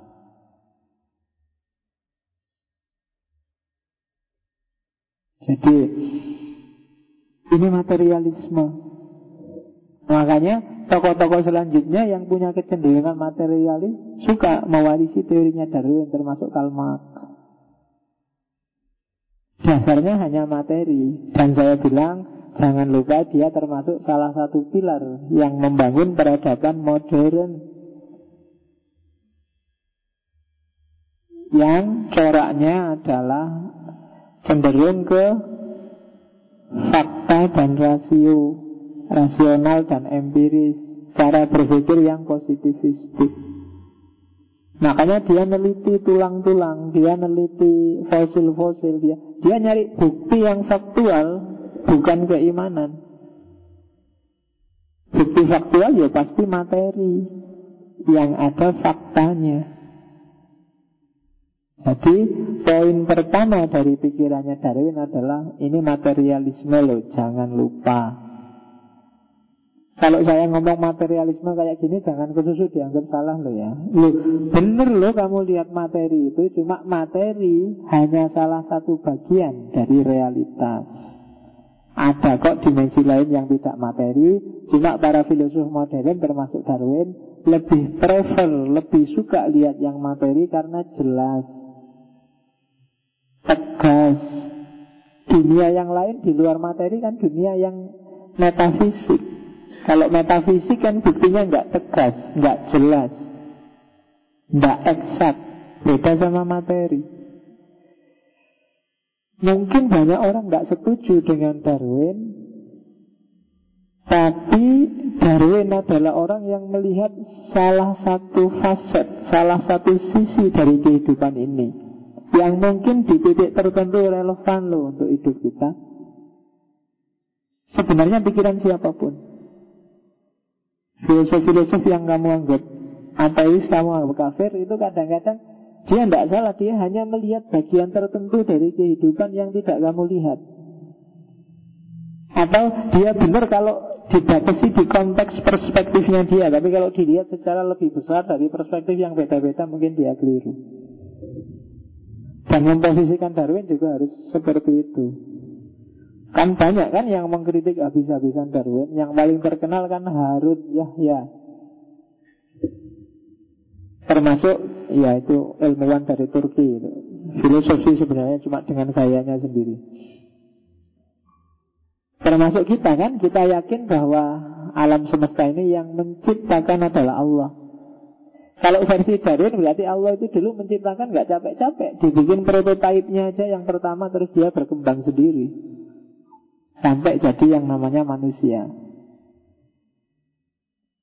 Tapi kan kita enggak Kalau kita kan ya enggak lah Allah menciptakan itu full Semuanya. Begitu Adam ke sini sudah ada kera, sudah ada gajah, sudah ada jadi Tidak ada evolusi-evolusinan. Ini sudah ada sejak dulu. Oke dari perspektif zamannya Darwin tetap luar biasa loh. Zaman itu orang belum kenal DNA Belum kenal struktur gen Apalagi kenal rekayasa genetik Tapi dia sudah bisa meramalkan ada perubahan. Bahkan di awal-awal nggak dipercaya orang. Sampai dibikin karikatur kepalanya Darwin Badannya monyet. Yang di depan tadi tidak lihat. Itu kan orang sedang melecehkan Darwin.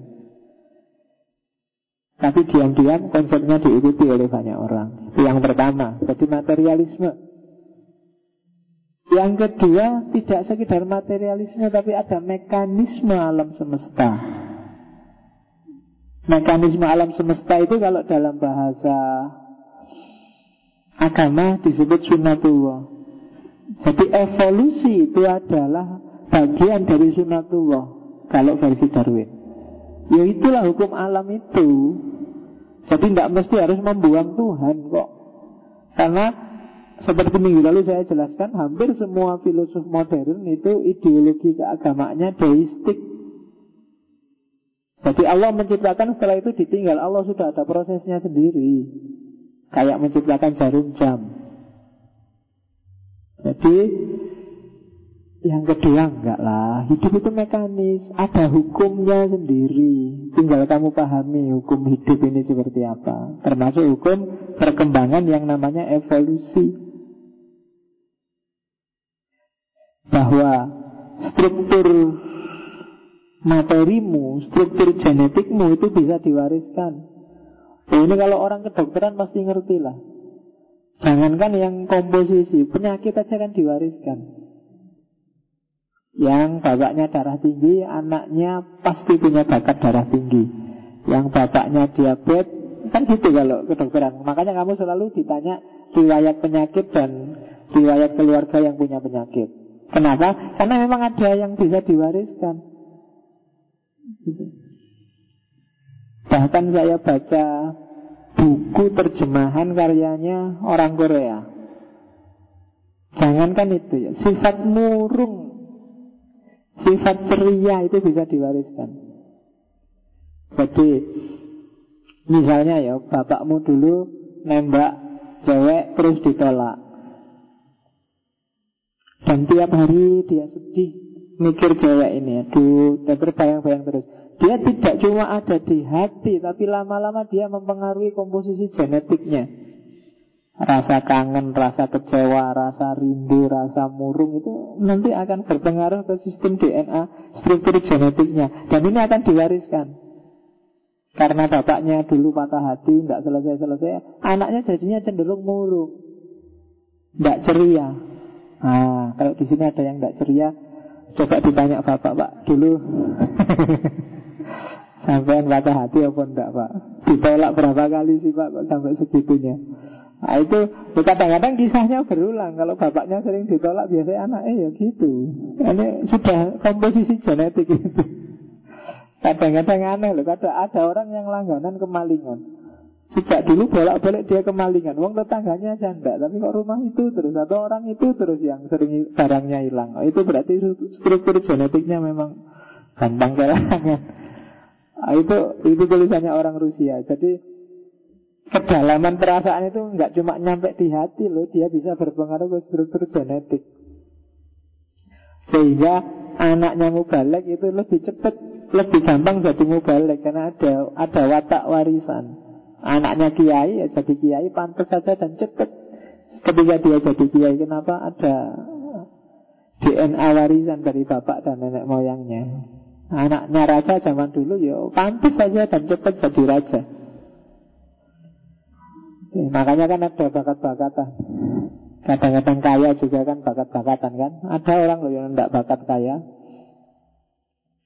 Pakai baju mahal, gatel, sumuk. Ya kan, bisanya pakai baju murah-murah yang tipis-tipis, yang agak kaos-kaos oblong itu. Begitu pakai jas dia sumpah luar biasa, nggak bisa pak ini. Ah, berarti kamu nggak bakat kaya. Orang kaya kan kayak gitu. Yang perempuan kan juga gitu kan, pakai emas gatel pak pakai emas itu. Tidak bakat kaya berarti. Bakat-bakatan. Oke itu warisan genetik. Struktur. Kenapa mekanisme alam? Mekanisme alam seperti itu terus yang ketiga teorinya Darwin menunjukkan lenyapnya intervensi Tuhan intervensi hal-hal supranatural. Ternyata semuanya ada mekanisme alamnya. Bukan karena Tuhan. Ada apa pun makhluk di alam semesta ini Eh ternyata ada pengaturnya. Ada Ada mekanisme Ya otomatisnya. Tidak apa-apa itu bakat mungkin. Tidak Oke. Jadi Hal-hal supernatural tidak akan intervensi. Semua terjadi ya oleh kita dan dari kita Sesuai sistem yang ada pada kita. Kamu berdoa seperti apa pun Kalau nggak belajar ya tidak akan lulus Karena sunnatullahnya orang lulus Dia harus belajar. Kamu minta istri, minta pacar kayak gimana pun Nggak akan dapat yang kamu nggak pernah nembak, nggak pernah pendekatan, nggak pernah Gimana bisa dapat? Karena sunatullahnya orang untuk dapat Itu ya nembaklah. Kalau nggak nembak-nembak ya meskipun tiap hari kamu SMS ya nggak dapat-dapat Nah itu kan sunatullah Loh, simple, nggak perlu panjang-panjang mikirnya ya memang gitu Kalau ngantuk tidurlah, kalau lapar makanlah kan gitu hidup ini Itu sunatullah Sudah ada hukumnya Biar nggak Ya kan kayak islamisasi ilmu itu loh. Kan jadi lucu karena apa? Itu sebenarnya otomatis, nggak perlu disebut Tuhannya juga begitu. Kadang-kadang islamisasi ilmu yang agak kebablasan kan kayak tulisannya orang Pakistan itu kan. Semua makhluk hidup butuh makanan. Makhluk hidup yang seminggu aja nggak dapat makanan maka dia akan mati, insya Allah. Oh itu ya Islam. Cuma ya nggak perlu disebut itunya. Kalau bahasanya Darwin loh enggak Seminggu nggak makan terus mati Itu sudah mekanisme alam Kalau nggak cocok tersingkir itu mekanisme alam Kamu pingin nggak tersingkir itu nggak bisa karena kamu memang nggak cocok Kuliah misalnya. Ada loh orang yang nggak cocok kuliah Itu nggak bakat kamu kuliah. Kalau disuruh masuk beratnya setengah mati. Masuk 14 kali dia pamitnya 7 kali. Kami tujuh kali, yang tiga kali sakit. Yang empat kali terpaksa masuk karena dimarahi dosennya. Berarti kamu tidak bakat kuliah. Tidak fit untuk kuliah. Dan kamu akan tersingkir. Kamu akan punah kalau nggak struggle Untuk menyesuaikan diri. Kamu harus bertahan, berjuang. Aku itu kok males ya Harus berjuang biar kuliahnya rajin. Kalau enggak, pada akhirnya kamu akan punah Kamu akan di DO, kamu akan dikeluarkan. Berarti kamu nggak fit Untuk kuliah. Oh itu selalu begitu. Yang males akan tersingkirkan. Jadi jangan menunggu intervensi Tuhan. Tuhan tidak intervensi. Intervensinya Tuhan itu di alam Di awal. Dia sudah ngasih di awal Nih hukum hidup itu kayak gini Jalanin aja. Yang syariah kayak gini Yang tentang alam semesta kayak gini Patuhi itu selesai. Besok aku tinggal notal. Yang bagus-bagus mana Yang jelek-jelek mana. Nah itu deistik Deisme. Lu kan bisa berdoa pak. Enggak Doa itu tidak berguna itu untuk meyakinkan hatimu saja. Kalau versi deistik Ini untuk menegaskan hatimu saja. Itu kalau versi deistik. Dan teorinya Darwin ini ya jelas merupakan tantangan yang luar biasa pada agama.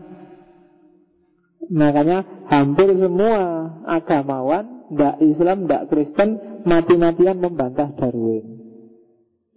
Janganlah. Masa kita evolusi kan kita yakin bahwa Allah itu yang menciptakan. Selalu begitu kita.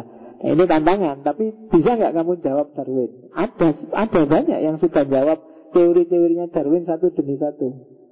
Tapi ya sampai detik ini masih belum sampai pada derajat yang bisa meruntuhkan teorinya Darwin. Semuanya bermain dengan hipotesis-hipotesis.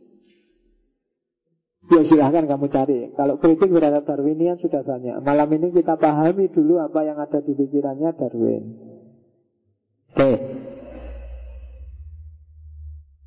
Pengaruhnya teori evolusi itu ya banyak Jadi yang tadi yang biologi agak saya cepatkan Wong saya bukan ahli biologi Cuma kita lihat pengaruhnya Ada istilah evolusi budaya bagaimana budaya manusia itu berevolusi. Misalnya itu teorinya Morgan, ada yang bilang bahwa manusia itu mengalami banyak zaman. Dari zaman liar tua, zaman liar madia, terus jadi zaman liar muda. Zaman liar berkembang jadi zaman barbar. Barbar tua, barbar madia, barbar muda. Terus jadi zaman beradab. Nah, peradaban purba, peradaban masa kini, dan peradaban klasik sampai sekarang. Itu teorinya Morgan. Jadi setiap zaman punya gayanya sendiri, punya teorinya sendiri, punya konsep hidupnya sendiri. Nah, itu evolusi. Perubahan itu pelan-pelan, eh tiba-tiba berubah. Hidupmu kan juga gitu. Dulu di kampung nggak terlalu butuh apa-apa, lingkungannya juga tidak ada apa-apa, jadi sederhana. Begitu pindah ke kota ada perubahan-perubahan. Dulu di kampung nyaman, TV jarang kalau nonton TV di rumahnya tetangga bareng-bareng sehingga kamu males ah desekan di rumah aja lah. Tapi begitu di kota di mana-mana ada TV, kamu sendiri di kamarmu ada TV, tiap hari lihat TV. HP, dulu di pondok, TV tidak boleh, radio tidak boleh, koran tidak boleh. Sekarang di kota, Jangan yang itu internetan aja boleh. Dulu lihat orang pakai rok mini kamu istighfar-istighfar. Sekarang kamu nyari. Di internet malah yang nggak pakai apa-apa yang kamu cari. Loh, ada evolusi dalam pemikiranmu. Dulu istighfar, astagfirullah, sekarang alhamdulillah ada yang kayak. Ya kan? Dulu main musik, sepak bola itu dianggap laibun walahun. Nah, sekarang kamu main sendiri. Ya kan? Tiap hari di telingamu pakai headset dengerin musik. Dulu katanya musik itu tidak boleh. Karena itu suaranya setan. Ngundang setan. Nah, sekarang kita tiap hari dengerin musik. Ada evolusi dalam budaya kita, cara berpikir kita. Dulu, bahkan agama kan, dulu perempuan di Indonesia pakai jilbab itu kan tidak kayak sekarang. Dulu cuma pakai kerudung disampirkan Rambut depannya kelihatan Tidak apa-apa Sudah dianggap Islam Nyai Haji Ahmad Dahlan Jutnya, jutnya dulu nggak pakai jilbab kayak jilbab hari ini. Rambutnya kelihatan, bahkan sanggulnya aja kelihatan. Jut mutia itu kan sanggulnya kelihatan. Dan no problem, dianggap pejuang Islam. Nggak ada yang bilang jutnya dini itu pejuang sekuler. Kenapa? Nggak jilbaban. Nah, enggak semuanya hanya pejuang muslim karena standar yang disebut Islam zaman itu ya seperti itu. Tapi terus ada evolusi hari ini kalau masih kayak gitu belum itu belum Islam itu masih Jawa rambutnya kelihatan kan gitu. Tapi ada evolusi dalam kebudayaan kita. Pantas dan tidak pantas itu kan juga evolusi. Itu namanya evolusi budaya dan jangan salah ini pengaruhnya Darwin pasti. Ternyata nggak cuma fisik, dalam budaya juga terjadi evolusi. Perubahan adalah keniscayaan. Perubahan yang pelan-pelan itu terjadi di mana-mana. Kadang-kadang perubahan itu nggak kamu sadari. Kamu merasa, enggak pak, saya itu masih kayak yang dulu kok pak ya. Tapi temanmu yang lebih ngerti, kamu kok berubah ya sekarang. Dulu kamu kelihatan lugu, tulus, itu. sekarang Ya masih lugu sih tapi menjengkelkan Oke, okay. ah, itu kan berubah namanya. Dulu enak diajak ngomong, sekarang sudah mulai ngayal lagi. Pengaruh filsafat ini mesti. Ada evolusi. Mungkin dulu kamu nggak kenal filsafat, sekarang kenal kan pasti ada perubahan lah sedikit banyak. Ada evolusi. Dan itu dampaknya teori Darwin. Lo agama apa nggak nyuruh kita berubah nyuruh? Kalau kamu ada, saya setuju teori evolusi Pak, ada perubahan. Dalilnya ada loh Pak di Quran. Di hadis juga ada. Wah. Kan ada yang mandoa minkum mungkarong falyuhoyirhu ya, Berarti disuruh berubah. Cuma berubah dari yang mungkar jadi yang baik. Ya kan? Allah tidak akan merubah nasib suatu kaum Kecuali kaum itu sendiri merubahnya. Oh itu kan berarti dalil evolusi. Yaumuhu khairun min amsihi. Nah, Hari ini lebih baik daripada hari kemarin. Itu kan evolusi juga Ada kok jalurnya evolusi Meskipun nggak terus dari manusia jadi kera Tapi perubahan gradual Pelan-pelan ke arah yang lebih baik. Kenapa kok tidak revolusi? Karena revolusi itu berat. Lebih mudah evolusi. Itu Evolusi budaya, evolusi agama. Ada loh, jangan salah. Mungkin minggu lalu tak ceritain kan tentang evolusi agama itu. Bagaimana agama itu ternyata evolusi dalam sejarah manusia. Islam itu kan yang monoteis itu datangnya paling sekian ratus abad belakangan. Padahal umurnya bumi berapa ribu abad. Ya kan? Manusia paling primitif itu kan agamanya dinamisme. Percaya pada kekuatan benda-benda. Pakai jimat Itu kan dinamisme Kalau saya membawa jimat saya ini pak Dibacok tidak mempan pak. Ya, Kalau bacoknya pakai plastik.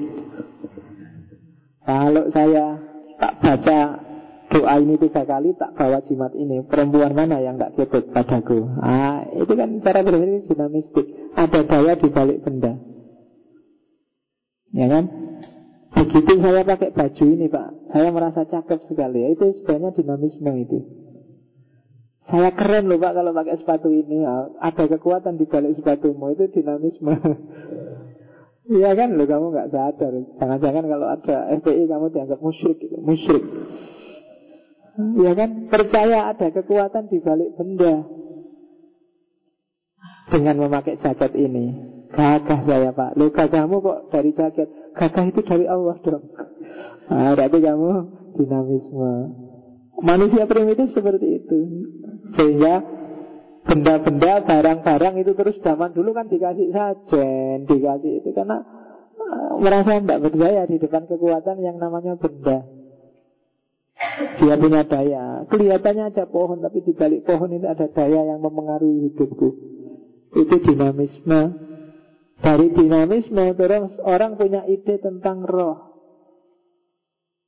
Namanya animisme. Biasanya lihat orang sakit, lihat orang mati terus iya ya ini fisiknya tetap, tidak ada yang berubah. Apa ya yang hilang? Kok dia sekarang nggak bisa gerak, nggak bisa melek, nggak bisa ngomong? Pasti ada sesuatu di balik yang mati ini. Terus muncullah ide tentang roh. Jadilah animisme. Percaya pada roh-roh. Sehingga terus punya keyakinan Wah ini nenek moyangku ini Meskipun tubuhnya sudah mati Tapi rohnya masih ada, masih hidup. Nah, Terus ngasih sajen. Percaya pada roh-roh namanya animisme. Lama-lama roh-rohnya nenek moyang yang kamu kasih saja Tiap hari kamu hargai, kamu hormati Dihormati juga anak cucumu Dihormati terus menerus Lama-lama dia sangat sakral wong Sampai anak turun ke berapa. Lama-lama derajatnya nggak cuma roh Tapi ada sosoknya dia jadi dewa sekarang Ya kan Dibikin patungnya disembah Berhala-berhala di seputar Ka'bah zaman itu itu kan ada Lata, ada Usa itu kan nama pembesar-pembesar sebelumnya, nama tokoh-tokoh yang dimuliakan sebelumnya, terus disembah-sembah. Sama kayak itu dari animisme terus jadinya percaya pada dewa-dewa, namanya politeisme.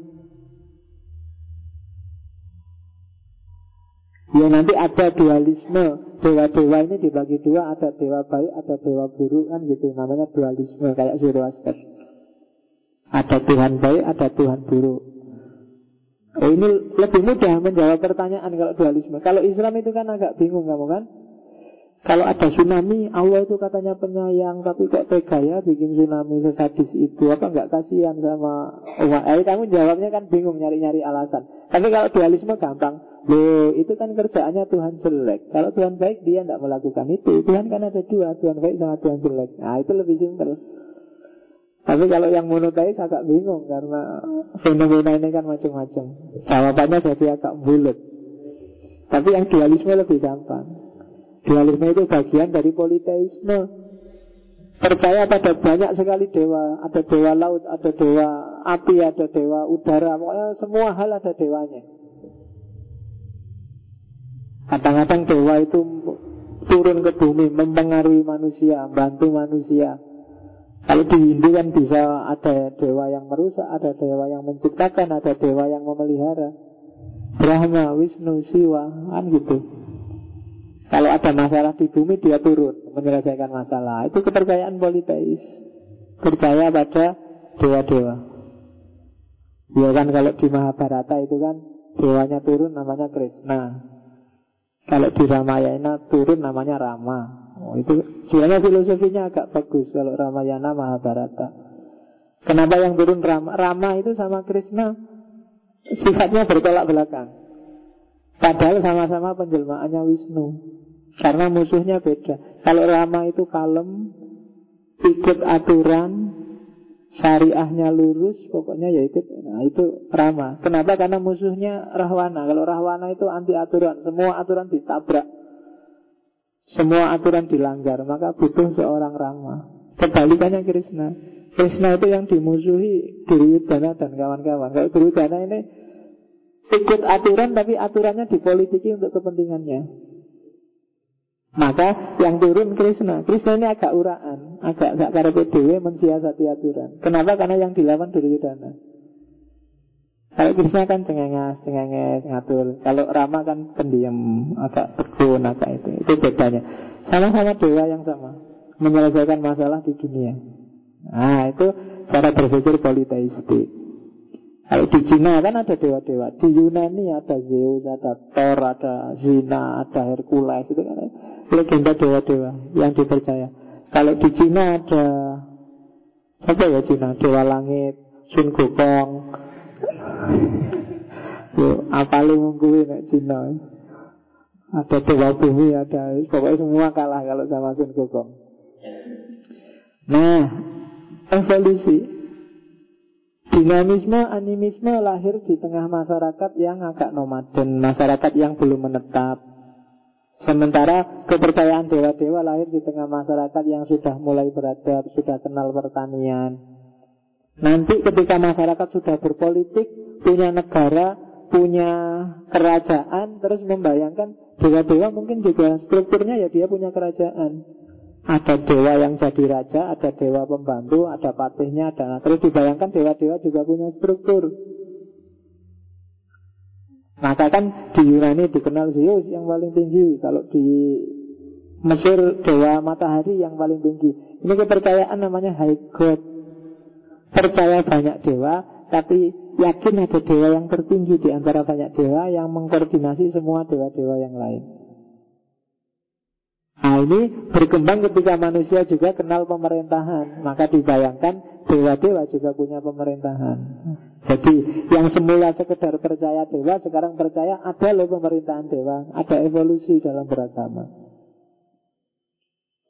Nah setelah yakin ada dewa tertinggi, lama-lama ini evolusi lagi. Loh, kalau ada dewa tertinggi, ngapain kita peduli sama dewa yang kecil-kecil? Sudahlah dipegang aja rajanya dewa kan selesai.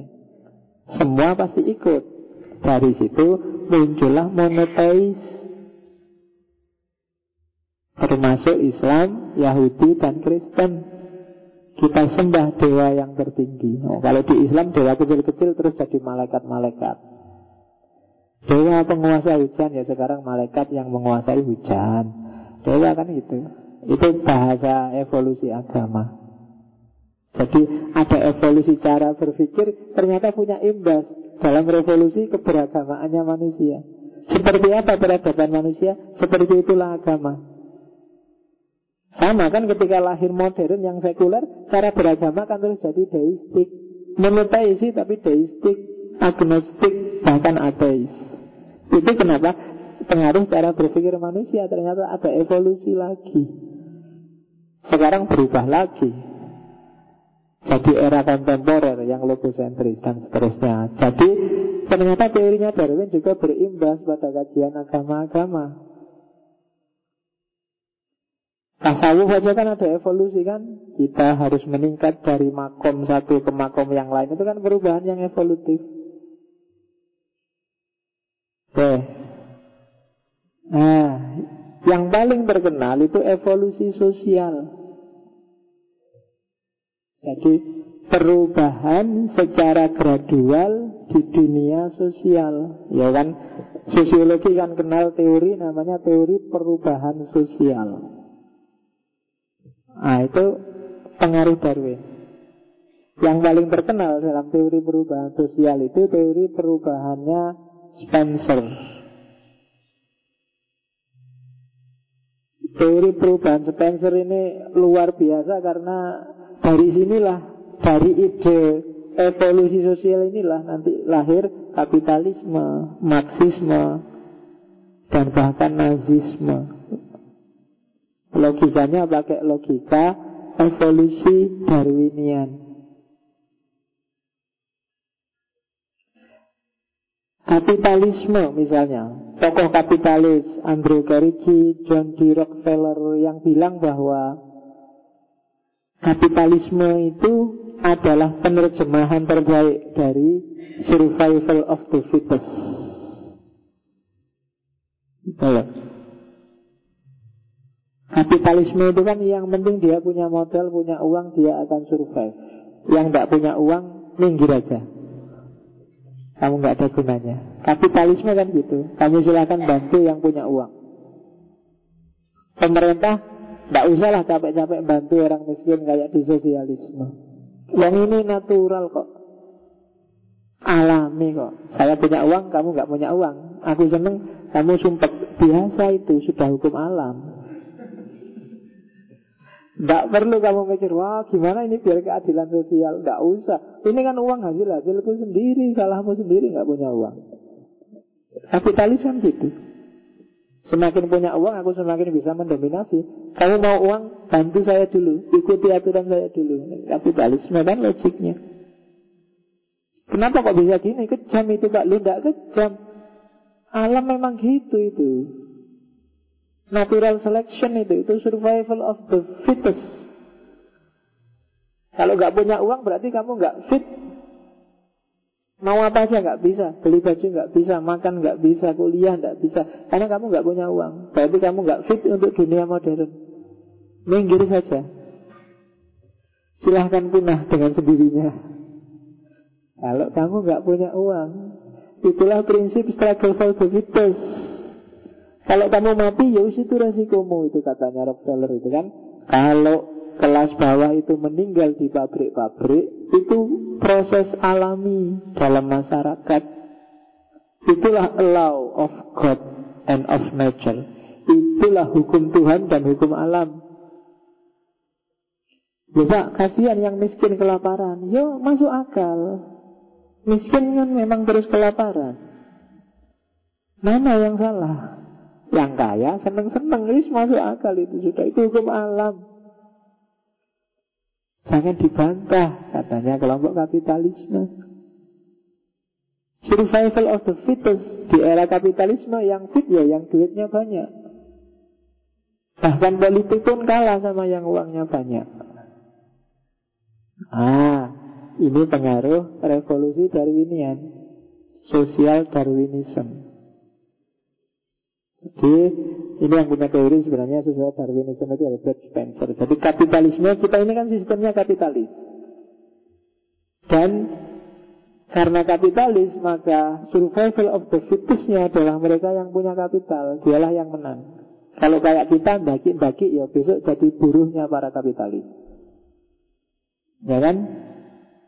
Orang bodoh itu kalah sama, sama orang pinter, tapi orang pinter tetap kalah sama orang kaya. Kamu kuliah sampai S3 ya nanti melamar di perusahaan ya bosnya Cina, tidak pernah sekolah. Jadi kamu kuliah, kamu disuruh mikir Gimana? Ayo yang S3, mikirlah Kamu manajernya kan, tapi hasilnya ya kasih padaku. Jadi kamu akhirnya Cuma jadi pembantu dan pegawai. Jadi orang pintar ternyata hanya pegawainya Orang kaya. Di Indonesia kan juga gitu. Politikus, presiden, DPR itu Hanya suruhannya Orang kaya. Sebagus apa pun kamu Kalau nggak punya modal ya tidak ada yang mendekat padamu. Apalagi dalam dunia politik. Kalau kamu mendekat-dekat Tidak punya uang, ya diterima. Asal kamu mau jadi pegawainya. Kan itu aja prinsipnya kapitalis. Dan kamu jangan marah Karena ini hukum alam Jangan protes, tetap ini hukum alam Pada akhirnya tetap kapitalisme Kalau katanya Fukuyama Tidak bisa kita merubah kapitalisme Itu the end of history Akhir sejarahnya manusia sudah Orang yang punya modal, orang yang punya uang, dia menguasai dunia. Dibolak-balik kayak gimana pun merubah yang kayak gini ini susah. Kecuali sosialisme total dan sosialis sudah ambruk sejak dulu. Itu katanya Fukuyama. Demokrasi itu termasuk yang di end of history. Kamu ingin bantah demokrasi sudah berat sekarang. Satu-satunya yang paling puncak memang demokrasi. Itu katanya Spencer. Ada juga komunisme. Ya kan? Komunisme juga sejenis sosial Darwinisme ada perubahan-perubahan sosial dari masyarakat aristokrasi yang didominasi oleh kaum borjuis kemudian berkembang jadi pertarungan komplainnya kelompok proletar yang tadi ditindas oleh kaum borjuis terjadilah perubahan sosial. Pada akhirnya kaum berjuis, eh, kaum proletar yang menang dan mendominasi dunia politik kekuasaan mereka balas dendam pada kelompok berjuis. Hartanya diambil, kemudian dibagi-bagi pada kaum proletar. Orang yang kemarin menindas sekarang ganti ditindas.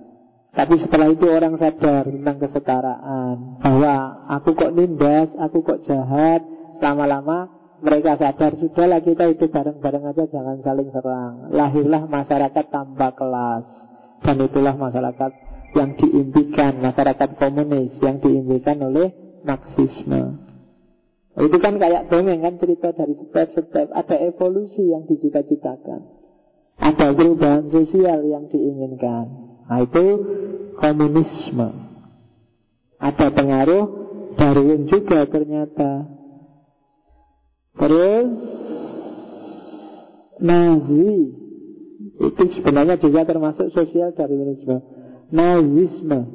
Ya, Kata dasarnya nazis Nazisme Kolatuh apa nazisme kofafa Aku kurang ngerti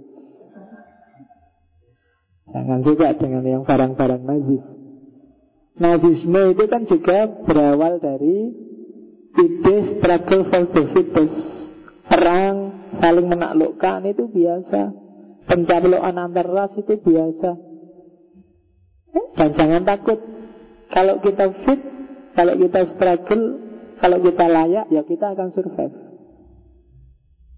Kalau kita punah, ya berarti kita nggak layak untuk hidup memang. Kalau kita kalah, ya berarti kita nggak layak untuk hidup. Masyarakat yang inferior itu harus disingkirkan. Atau kalau nggak disingkirkan, dia akan tersingkir sendiri. Itu kan yang bikin Nazi terus jadi agresif, menyerang ke mana-mana, melakukan pembersihan etnis, membantu orang-orang Yahudi. Karena bagi mereka ya, mereka tidak layak, tidak fit. Hidup ini harus diisi orang-orang yang fitness atau paling nggak diatur oleh orang-orang yang fitness. Yang tidak fit pada akhirnya akan tersingkir. Nah itu ideologi dibalik nazisme. Mereka merasa yang bagus itu ya ras kita dong, ras Arya. Bukan Indonesia yang mongoloid. Tapi Arya, orang Arya itu kan memang cakep-cakep, tinggi, besar, putih. Hidungnya mancung. Kebalikan dari kita kan, hitam kecil, hidungnya pesek. Tapi ya tidak apa-apa kan. Hidung pesek itu kan ngirit umurnya panjang karena nafasnya keluarnya dikit-dikit. Kalau yang hidungnya besar boros, jadi cepat habis nafasnya. Kalau kita kan kecil jadi keluarnya dikit-dikit. Oke, jadi itu nazisme. Ternyata ada juga pengaruh dari Darwinian. Nah, ini terakhir kita ambil dari The Sun. Harian di Inggris tahun 2012 Ini dengan berpedoman pada teori evolusinya Darwin. Jadi Kalau di situ kecil-kecil, kalau di situ besar ya Manusia serat seribu tahun lagi Berarti tahun Itu 2012 berarti tahun 3012 kita sudah punya gelar terakhir semua Almarhum. Ya kan?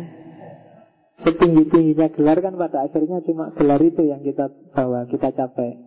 Doktor, profesor itu belum puncak Yang paling puncak tetap almarhum Apalagi tahun 2012 Jangan kalian berdoa hidup sampai tahun 2012 Kasihan nanti Oke, katanya pesan ini ramalan dengan prediksi lingkungan sekitar terus model cara berpikir Darwinian. Ini pengaruhnya evolusi Darwin untuk meramal bentuknya manusia seribu tahun lagi. Katanya manusia akan lebih tinggi dari hari ini karena pertimbangan gizi kita semakin baik. Jadi kalau sekarang mungkin manusia itu 175 ke atas rata-rata Kalau besok bisa 180 sampai 210 cm ya harusnya Iya, kalau 210 meter kamu bisa kayak pesawat terbang Ya, itu dengan patokan orang Amerika itu tingginya lebih tinggi satu inci daripada tahun 1960 hari ini rata-rata. Terus ciri jadi tinggi, terus ciri yang kedua ususnya agak pendek. Karena sekarang banyak penyakit macam-macam kan, nggak boleh gula, nggak boleh anu terus, jadi makanannya terus dibatasi. Karena makanannya dibatasi terus ususnya nggak nggak terlalu kerja keras, jadi jadinya pendek. Kadang-kadang banyak makanan ekstrak-ekstrak. Terus tangannya jadi panjang. Karena semakin lama orang semakin aktif. Tanganmu jadi nggak pernah diem lagi. Diem pun kamu gerak-gerakkan Kalau nganggur kan tiba-tiba tanganmu pegang HP Terus main HP Jempolmu yang gerak. Awas hati-hati loh ya. Karena kalau jempolmu aktif terus Yang lain nggak aktif. Kalau pakai PW-nya lama Besok anakmu jempolnya panjang sekali Karena dipakai terus Nah, itu pakai teorinya Darwin. Nah, berarti besok tangannya orang itu jadi panjang-panjang. Menyesuaikan dengan teknologi. Terus ukuran otaknya semakin kecil karena otaknya jarang dipakai, sudah diwakilkan pada komputer. Lo zaman dulu orang hafalan Quran lah, hafalan teori ini, teori itu. Mulai pendidikan-pendidikan terakhir ini kan orang sudah tidak suka lagi dengan model hafalan. Apa itu hafalan? Pemahaman dong, ah, jangan salah. Ketika orang semakin mendasarkan, tinggal dibuka bukunya, dibuka laptopnya kan jawabannya ada. Jadi kamu semakin nggak mau ngapalkan. Dan itu resikonya otakmu semakin kecil.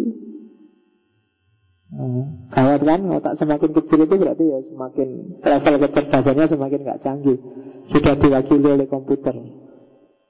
Terus yang ketiga matanya semakin besar, mulutnya semakin kecil. Kenapa matanya semakin besar? Ya kamu tiap hari kan melek lihat HP, lihat laptop, lihat kan. Kamu melotot terus tiap hari kerjaannya. Wah, matanya semakin besar. Mulutnya semakin kecil karena makanan semakin lembut. Kadang-kadang di mana-mana ada ekstrak kan. Sekarang ada ekstrak macam-macam buah. Ada klorofil, ekstrak macam-macam sayuran. Jadi kamu nggak perlu makan sayuran, tinggal nguntal pil sayuran. Pil jadi mulutnya jarang dipakai, semakin kecil. Matanya semakin lebar, wong dipakai tiap hari. Terus giginya semakin sedikit, ya kayak tadi karena giginya jarang dipakai sih. Jadi ya, semakin lama semakin menyusut. Terus hidungnya kalau sekarang kan ekstrim bedanya kita pesek mereka lama-lama hidungnya sama. Karena asumsinya bentuk hidung itu sesuai anu cuaca hawa di sekitar. Orang barat karena punya empat musim jadi butuh hidung besar. Jadi hidungnya besar-besar dulu adaptasinya. Kalau kita kan cuma dua musim, musim nggak terlalu berpengaruh, jadi hidungnya kecil-kecil. Nah mulai besok cuaca itu nggak nggak ada bedanya. Wong kalau dingin kamu juga pakai AC, kalau sedang sumuk kamu juga masing-masing ada penanggalnya. Jadi nggak ada bedanya apakah bersalju atau panas. Sedang sumuk kamu nyalain AC, kalau sedang kedinginan kamu pakai selimut pakai AC. Jadi akhirnya hidung kita sama nanti seribu tahun lagi tapi. Oke, terus ya rambutnya agak botak. Itu penelitian, dihitung mulai sekarang. Persentase orang botak sama nggak botak. Semakin lama semakin tinggi. Ya. Seribu tahun lagi semakin banyak orang yang botak. Karena radiasi. Loh kamu tiap hari pakai HP, pakai laptop Emangnya nggak ada radiasinya? Ada. Dan itu bikin rambutmu rontok Jadi besok kamu akan botak Oh, ya kamu sih tiap hari HP-nya dipegang nggak lepas-lepas itu rambutmu kalau coba untuk rontok satu-satu kamu. Oke, terus lehernya agak kendor, kelopak matanya juga agak kendor. Ya, karena ya itu tadi matahari kan sekarang semakin panas. Kalau kamu keluar kan sekarang sudah beda hawanya, semakin panas. Kalau lihat kamu akhirnya sering rijip-rijip ini jadi agak kendor nanti lama-lama. Iya, lehernya juga agak kendor, sumuk terus jadi lama-lama kendor. Nah, itu manusia seribu tahun lagi. Gambarnya seperti ini. Iya, ya, itu ngambilnya dari besan. Ya pas bagian yang penting dikasih tulisan besan Kan tadi ada itu kan? Yang testisnya semakin kecil. Jadi anunya semakin kecil. Ya kan dan kesuburannya menurun jauh karena makanannya, karena jadi mungkin karena jarang dipakai, jadinya mengecil. Karena banyak alat-alat virtual. Sehingga yang nyata nggak pernah dipakai akhirnya ya Kan tadi logikanya gitu kan Yang sering dipakai semakin panjang Yang jarang dipakai semakin mungsret Nah kalau yang kalau semakin kecil berarti jarang dipakai itu. Berarti orang modern itu jarang pakai itu. Oke okay. yang seringnya dipakai. Cuma dipakai. Ya kamu belum cukup umur ngomong kayak gini. Belum waktunya. Gambarnya kayak gitu Tuh, manusia seribu tahun lagi. Rata-rata. Tinggal kamu bayangkan sendiri ya Bedakan sama manusia hari ini. Atau sekali-sekali coba kamu cek Kalau ada posturnya manusia tahun berapa Jajar sama posturnya manusia hari ini. Kan kelihatan tipikalnya agak beda. Kalau di evolusinya Darwin kan ada itu kan Yang model manusia yang homo-homo itu loh Homo suluensis, Homo motokertensis itu kan modelnya agak kayak gitu. Karena manusia dari kera. Sehingga masih ada sisanya dikit-dikit, masih ada bulunya, masih ada itunya. Kemarin saya ada yang tanya karena saya bulunya agak banyak di kaki di sini ada yang oh, sampai aslinya mana mas? Anu pak, saya mau Jogerto. Oh pantas, evolusinya belum tuntas ya. Iya, melecehkan dianggap banyak rambutnya terus evolusinya belum tuntas. Iya. Ayo siapa yang rambutnya masih banyak? Berarti evolusimu belum tuntas. Oke. Itu Darwin. Jadi cara berpikir salah satu modus berpikirnya orang modern.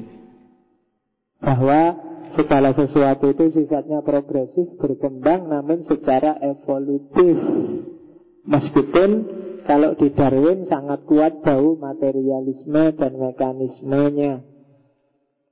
Saya bilang tadi, tidak salah, cuma itu sifatnya reduktif. Mungkin sebagian kecil dari hidup kita ada yang polanya seperti itu.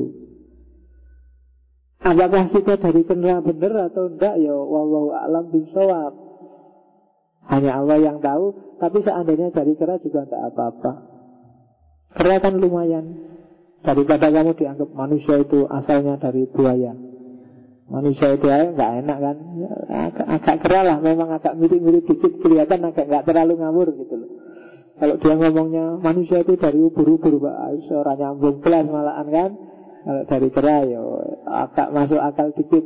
Meskipun apa ya, ya kita nggak tahu. Saya takutnya kalau manusia ter, anu, berasal dari kera yang tersinggung jangan-jangan keranya. Masa aku disamakan kayak manusia? Manusia sudah tidak karu-karuan kayak gitu. Aku kan masih terbang, mungkin keranya gitu. Oke, ada pertanyaan? Enggak ada ya, Alhamdulillah. Asal jangan tanya tentang evolusi teori yang detail ya, wong diganggu bukan evolusi.